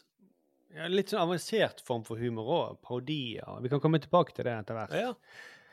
Men det begynner med at det er mye styr før dad kommer. Altså, eh, Roar, driftssjefen, er jo gift med Barbara, som skal være fra USA. Mhm. Eh, selv om han ikke snakker med amerikansk aksent. Nei. Og så er det hennes, hennes far som skal komme. Han har vært snakk om så lenge. Dad kommer, dad kommer. Og alt må være på stelle som om det kommer en kongelig, nesten. Ja. De styrer veldig på. Og til og med hun er Susan Rebelske. Hun er på sitt beste. Hun har Du ser at hun slår opp. Hun avviser han er Torbjørn Harr, han Mhm. skumle kjæresten hennes.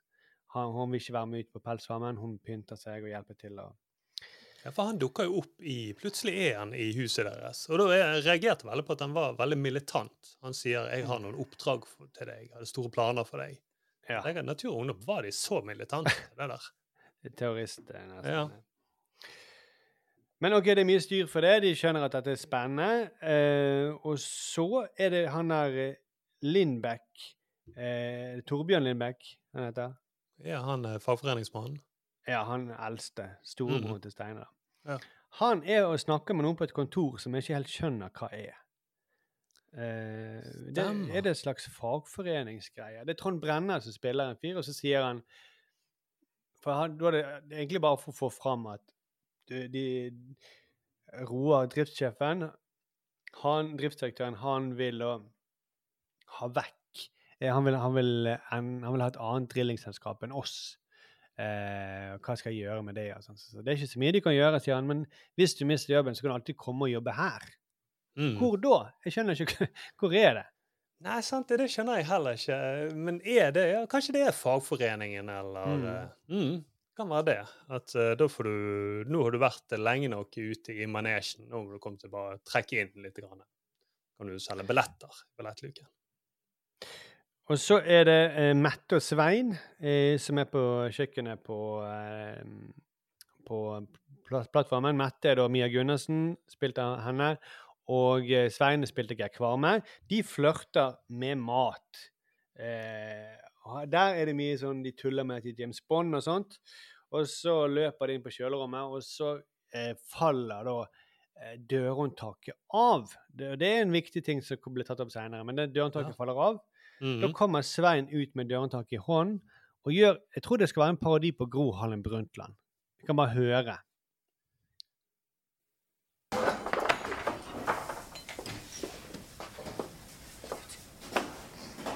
Ja, kjære kamerater. Det blir ingen enkel sak å forklare hvordan solide dørhåndtak bare bryter sammen under konditorforhandlingene. Vi bare sier at det er harde tak her. Hæ? Hæ?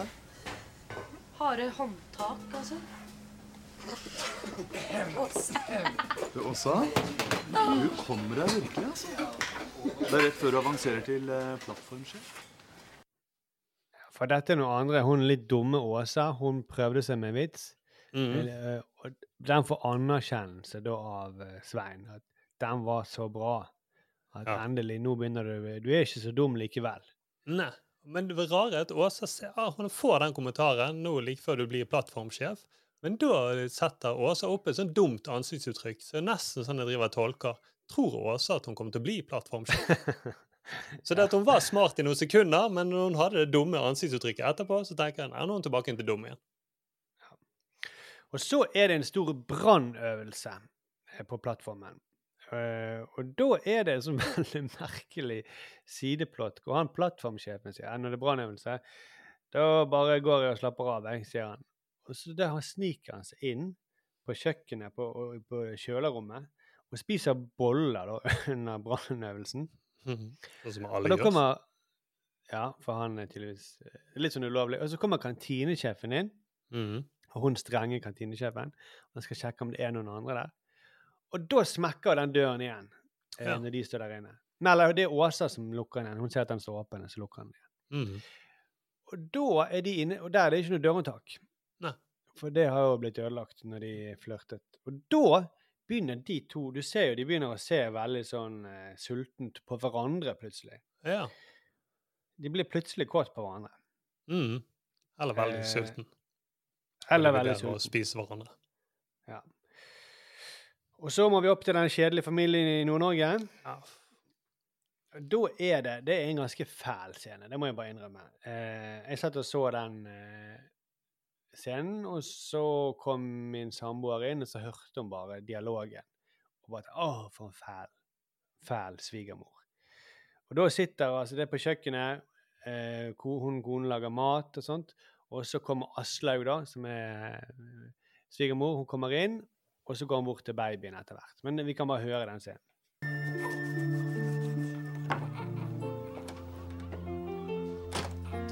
Heia. Jeg lager noe kjempedeilig til lunsj. Men jeg finner ikke hvitløken. Men Er det hun bestemor sin lille bullebull som ligger her? Er Aslaug. Ja, Aslaug hvitløken? Hvitløk kan du ikke bruke gul løk. Kan du smile litt grann til bestemor? Ikke rør han. Du må ikke bare komme inn her med møkkete hender og begynne å ta på en baby. Møkkete hender. Jeg har da bare vært i fjøsen og justert varmen. Du, er det her alt han skal ha? Det er ikke rart at ungen ikke vokser når han ikke får mat. Hm? Det er jo klart at han skal ha litt å, å vokse på, den lille Men vokser? skrotten. Han er født for tidlig. Han er svakelig, han tåler ikke alle bakterier. Ja, ja, ja. Ikke rør han! Bestemor, ja, men han er da ikke den første ungen som har vokst opp her på gården. Nei. Nei, bestemor er ikke skitten. Nei. Og ikke det unger skal ta med seg bakterier. Ja. Du eh, jeg tror mange vil kjenne seg igjen i en sånn figur som Mm. for det første snakker gjennom ungen. Det er veldig irriterende. Ja. Og du skal ha bakterier, du. Mm. Eh, og en bestemor som nekter å innse at eh, hennes ekspertise på babyer er passé. Mm. Og som ikke vil Den der eh, lille kommentaren Hvitløk, kanskje du bruker gul løk? Ja. som er, det er så mye i den scenen som du tenker, det, det er for bra, nesten. Mm. Og du hører at replikken er så veldig bra. Det er kanskje, dette er kanskje det en av de strekker med beste replikker, egentlig. Når hun Ja. sier eh, Det er så naturlig. Så du skjønner at manusforfatter må jo ha hatt en sånn svigermor. Nei, bestemor er ikke skitten. Hun er ikke skitten.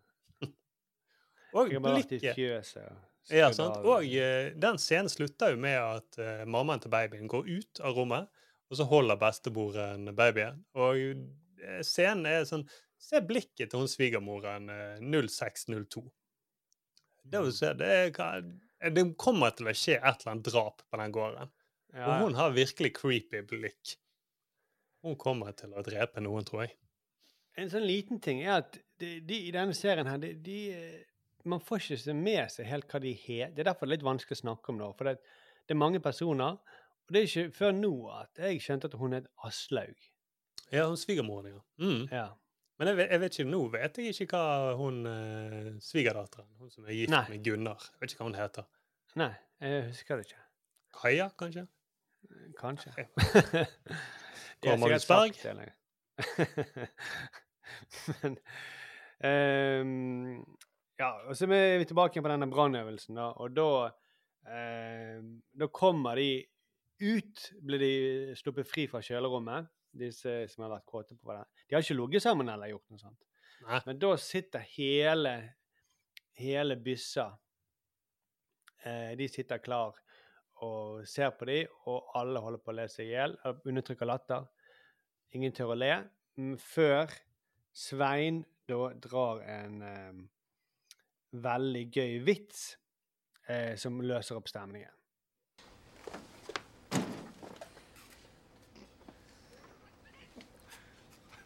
Come on, baby, light my fire. Hvem var det som smelte igjen døren? Unnskyld meg, det står jo på døra den skal holdes lukket. Ja, han har ikke respekt for sjefene. Han, eh, Nei. han kan tulle med hvem som helst. Mm. Og jeg liker også de som tuller mens de bruker musikk til det også. Ja. Mm. Det blir litt mer sånn revy, faktisk. da. Ja. Mm. Som eh, passer med for en kokk som driver og snakker gjennom eh, matvarer. ja. Jeg ble skuffet over at den ikke gjorde når han framstod, framførte den Light My Fire. Ja. Han burde kanskje holdt oppe et brannslukningsapparat og så gjemt hodet bak det, og så snakket liksom gjennom brannslukningsapparatet. Det var du som burde spilt Svein Støre. Ja. Mm. Synd det ikke går lenger offshore.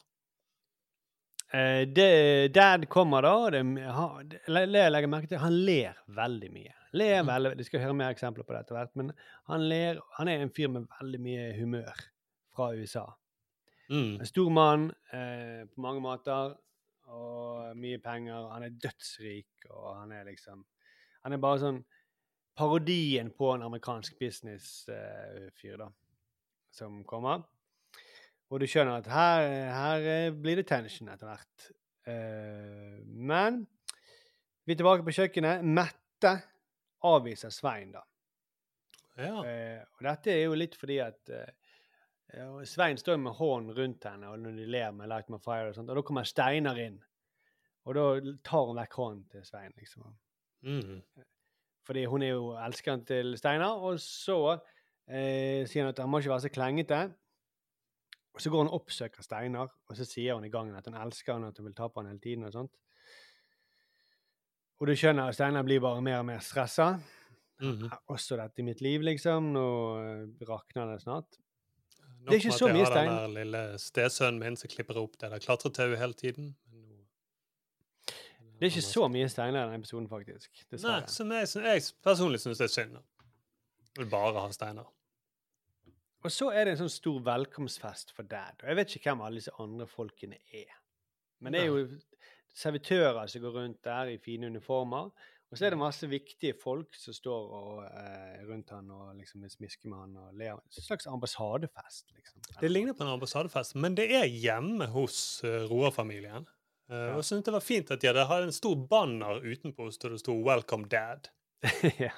Egentlig burde det stått 'Welcome Granddad'. For de første gangene hun snakket om uh, dad, så var det veldig mye 'granddad', 'granddad'. Mm. Som jeg tror er et ord amerikanere egentlig ikke bruker så mye. Og da får vi endelig vite hvorfor Roar, Roar med H, altså Finn Skau, som uh, vil bytte drillingselskap. Fordi at det er dad Han har et til- drillingselskap som han vil ha inn, inn i det erstatte det. Og eh, Roar sier vel på en måte at jeg kan ikke bare liksom gjøre det, styret må jo godkjenne det og sånn og sånn. Jeg prøver å være litt skikkelig, men dad har ikke noen forståelse av hvordan man Han vil bare ha sitt drillingselskap inn, da. Mhm. Og Litt så- skuffet, jeg, bare si at jeg er veldig skuffet over Dad. Eller kanskje jeg så jo dette veldig kjapt, denne episoden. Men jeg hadde sett for meg at Dad hadde en svær, svær cowboyhatt. Ja, det er det eneste som mangler. Ja. og en, en revolver i lommen som har skjøt Ja. i i luften. Mm. Ja! Hver gang han Ja. har fortalt en god historie. Ehm, så er vi hjemme hos Steinar. Han er plutselig kommet hjem igjen. da. Uh, og da er han veldig jumpy og nervøs. Det er jo dette her med Mette som sier hun elsker han, og han i tillegg så er det, har han et alkohol... Han, han har jo tatt inn promillekontroll, og det kan eh, smelle snart når folk får vite det. og og så sitter han hjemme og er veldig jumpy og nervøs, eh, men så begynner han eh, med å, flørte med konen sin, og da har de litt sånn Den overgangen fra at hun sier at hun, hun spør om han elsker henne. Overgangen derfra til at det begynner å bli erotisk, den er ganske kort. Eh, for går han fra å være sint til å Mhm. si at han elsker henne, er glad i henne, til at det blir veldig dirty. Mye mer enn du tror. Nei, det er du ikke. Jo, som nylaga fiskepudding i rekesaus. Det er ikke nok. Som eh, fra bunnen av det djupeste boreholdet til eh,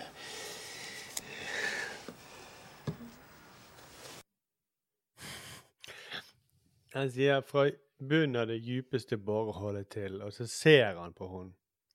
Mm. Og så begynner de å kysse. Som jeg tenker alle kvinner blir jo eh, kåte og smigret av å sammenligne med buen til et borehull. Ja. Der du har masse slam og du, rester av fossile eh, døde dyr. Mm. Det er det jeg pleier å si til min eh, kjæreste, at eh, å, eh, denne mikrofonen Nei, eh, nei, jeg klarte ikke å komme på noe eh, Mikrofonen min i buksen. Sånn. Men jeg tror det var vanlig at presten sa eh, OK, nå det dype borehullet, dere kan også kysse hverandre. Men det, vi, så er vi tilbake igjen på den festen, da, og der er det mye styr. Og der eh, forteller dad en historie som jeg ikke forstår i det hele tatt. Se om du forstår den. eh, Det, det er bare slutten av historien, men jeg kan ikke skjønne hva slags historie det kan ha vært heller. Nei, sant. Mm, la oss høre. So there I was, covered all over, black stinking crude oil, singing there's no business like oil business. and that's how I started Western Petroleum. Yeah, And now we are worldwide. Ja, det er jo en standard historie. Det han har gjort, er jo at han var på bensinstasjonen, snublet i denne oljebøtten, fikk det oppå seg, og så begynte han å synge. Come on, baby, light my fire, sang han egentlig. Men han, han, han mimer at han står og borer, Ja. og, og at han sier eh, eh, Jeg så dekket i olje, og så synger jeg There's no business like oil business. Og så Og sånn startet de Western Jeg skjønner ikke. Nei, det høres veldig rart uh, Først så tenker jeg altså Én ting var Rockefeller, som gikk, dro rundt da, i USA og, eh, var, og så oljebrønnene. Mm. Men dette er jo ikke på 1800-tallet. Jeg kan umulig tenke meg at han sto der med sånn lufttrykksbor, og så boret han litt ned i jorden, og så sprutet det opp masse olje så, eh, i håret hans, og så var det no business like oil business. Litt Lucky Luke-feeling over det. Ja. Mm. Men hvem vet hvor gammel granddad egentlig er? ja. Dette var jo i gamle dager òg, da. Ja, ja, ja. Så han kan ha vært Han er sikkert død for lenge siden. Ja. Eh, men Susan hun prøver virkelig å gjøre et eh, godt inntrykk på denne kanapéfesten for dad. Så kommer Web, han Torbjørn Lindbekk han kommer og krasjer festen. da. Kommer. Eh, for han får, ikke, han, får, han får aldri møte Roar. Han kommer og eh, truer han i gangen. Og igjen, vi får ikke vite. Det er et eller annet i fortiden mellom de. De sier det aldri rett ut. Men han bare antyder 'skal jeg si det', 'skal jeg si det'? Eh, og det mm, som er rart, for det, jeg skjønner at de holder igjen for oss TV-seere, men at hvis de to hele tiden møtes sånn uten Nå er det ingen andre der heller, så det kunne han ha bare sagt det. Ja. Mm.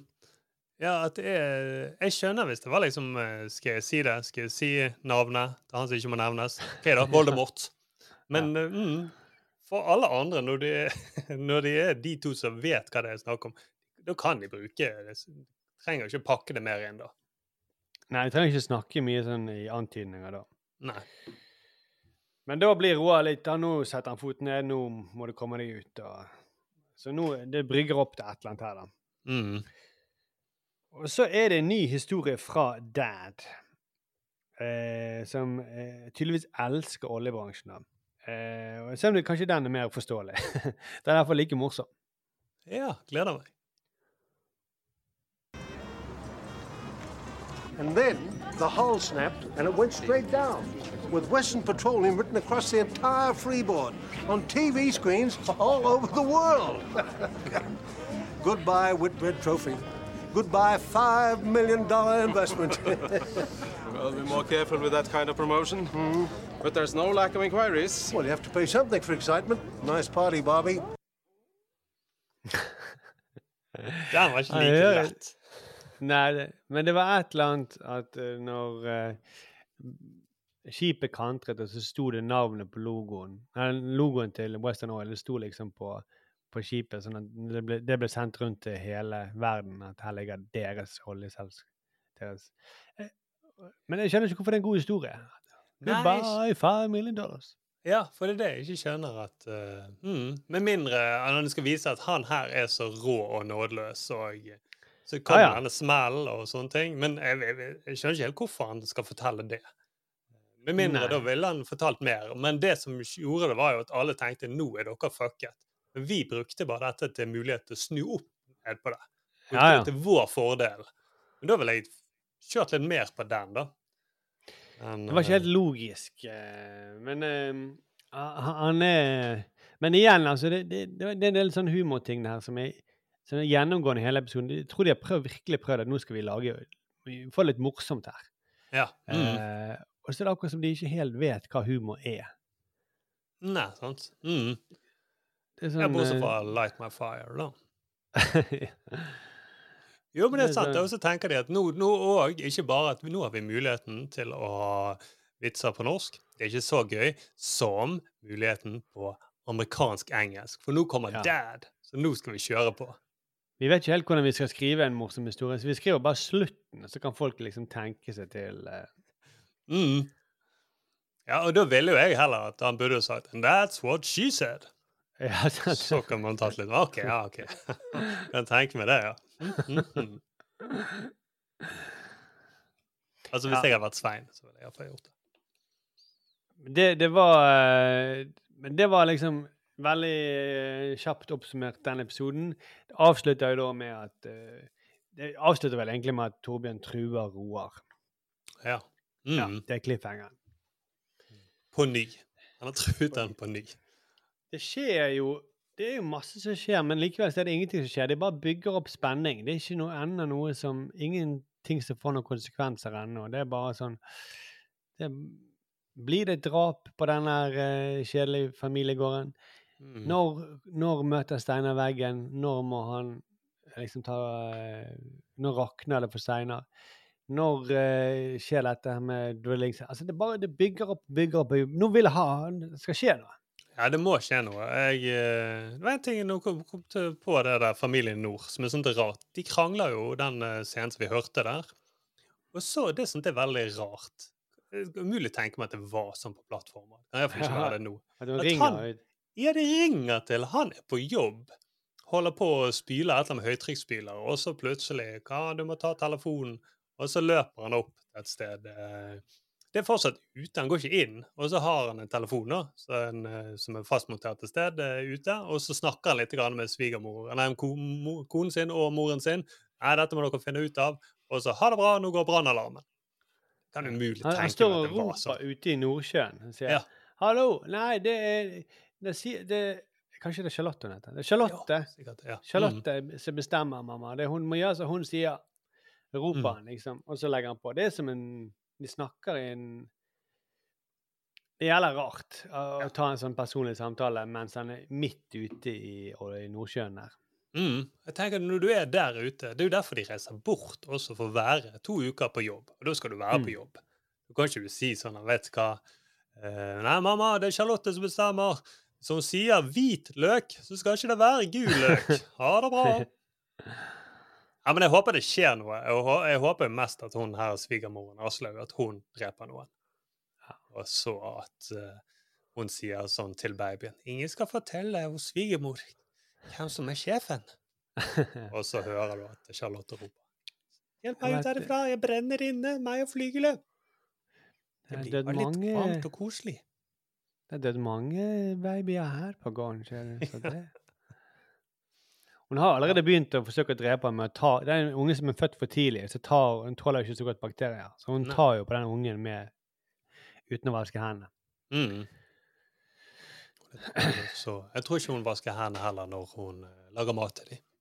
Oh, a meg. Så kommer de Det sikkert blir- til å bli for matforgiftet. Men nå, nå krever jeg at noe skjer Ja. eh, i neste episode. Episode syv. Så Mhm. eh, det bør bare skje. Ja. Og hvis det ikke skjer, da, kommer du til å ringe til NRK og be de fikse opp i dette? Jeg ringer på plattformen. Så ringer Mm. Ja, Si at da må dere begynne å klippe, opp, eh, klippe om episodene, for dette holder ikke mål. Ja, det er stø støtt. Ja. Det fjer Mm. fjerner, de, fjerner de kjedelige episodene fra arkivet. De vil ikke jeg ha. Vi sender inn klage til Kringkastingsrådet. Mm.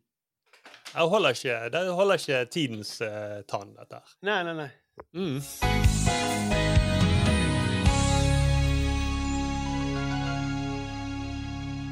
Vi skal altså trekke eh, hvem som skal se et eh, litt eh, veldig folkelig program eh, til neste uke. Ja.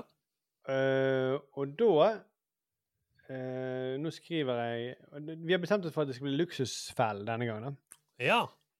Fordi det har jo ingen av oss eh, sett skikkelig på en stund, iallfall. Nei. Og så passer det vel bra nå når eh, økonomien generelt i verden går i dass.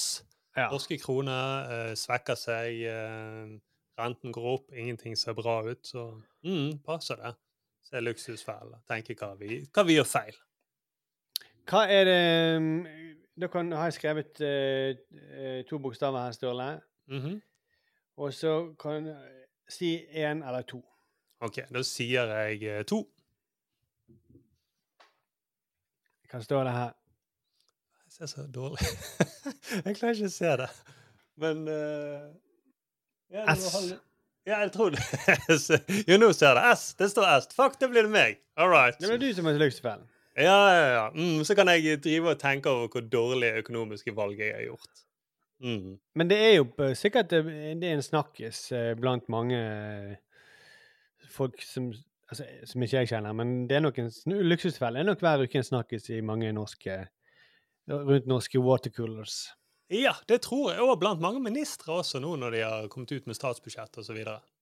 Følg oss på uh, alle uh, kanaler på Facebook og på uh, Instagram. Der finner dere Gleden med TV-en. Og så kan dere sende mail da, til gleden.med.tv at gmail.com. Eh, så ko- og hvis dere vil fortsette myntkastdebatten, kast dere inn på Facebook. Og så må vi faktisk videre. Dette har blitt en lang sendingståle. Nå eh, begynner jeg å miste miste det litt.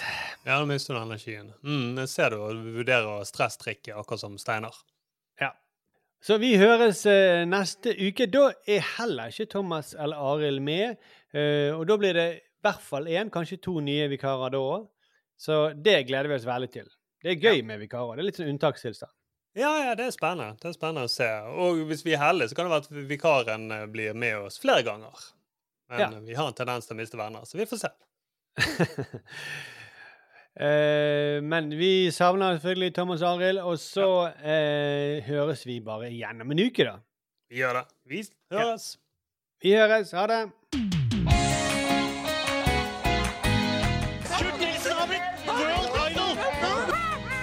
Samfunnet. Det gjør ikke Ja, jeg. brøler gjerne. Det var helt ærlig, så tror jeg ikke smakte det der. Jeg er jo egentlig en ganske flatbrystet pike. Oh yeah? Well, I love you too! Det ser jo ut som en løgn.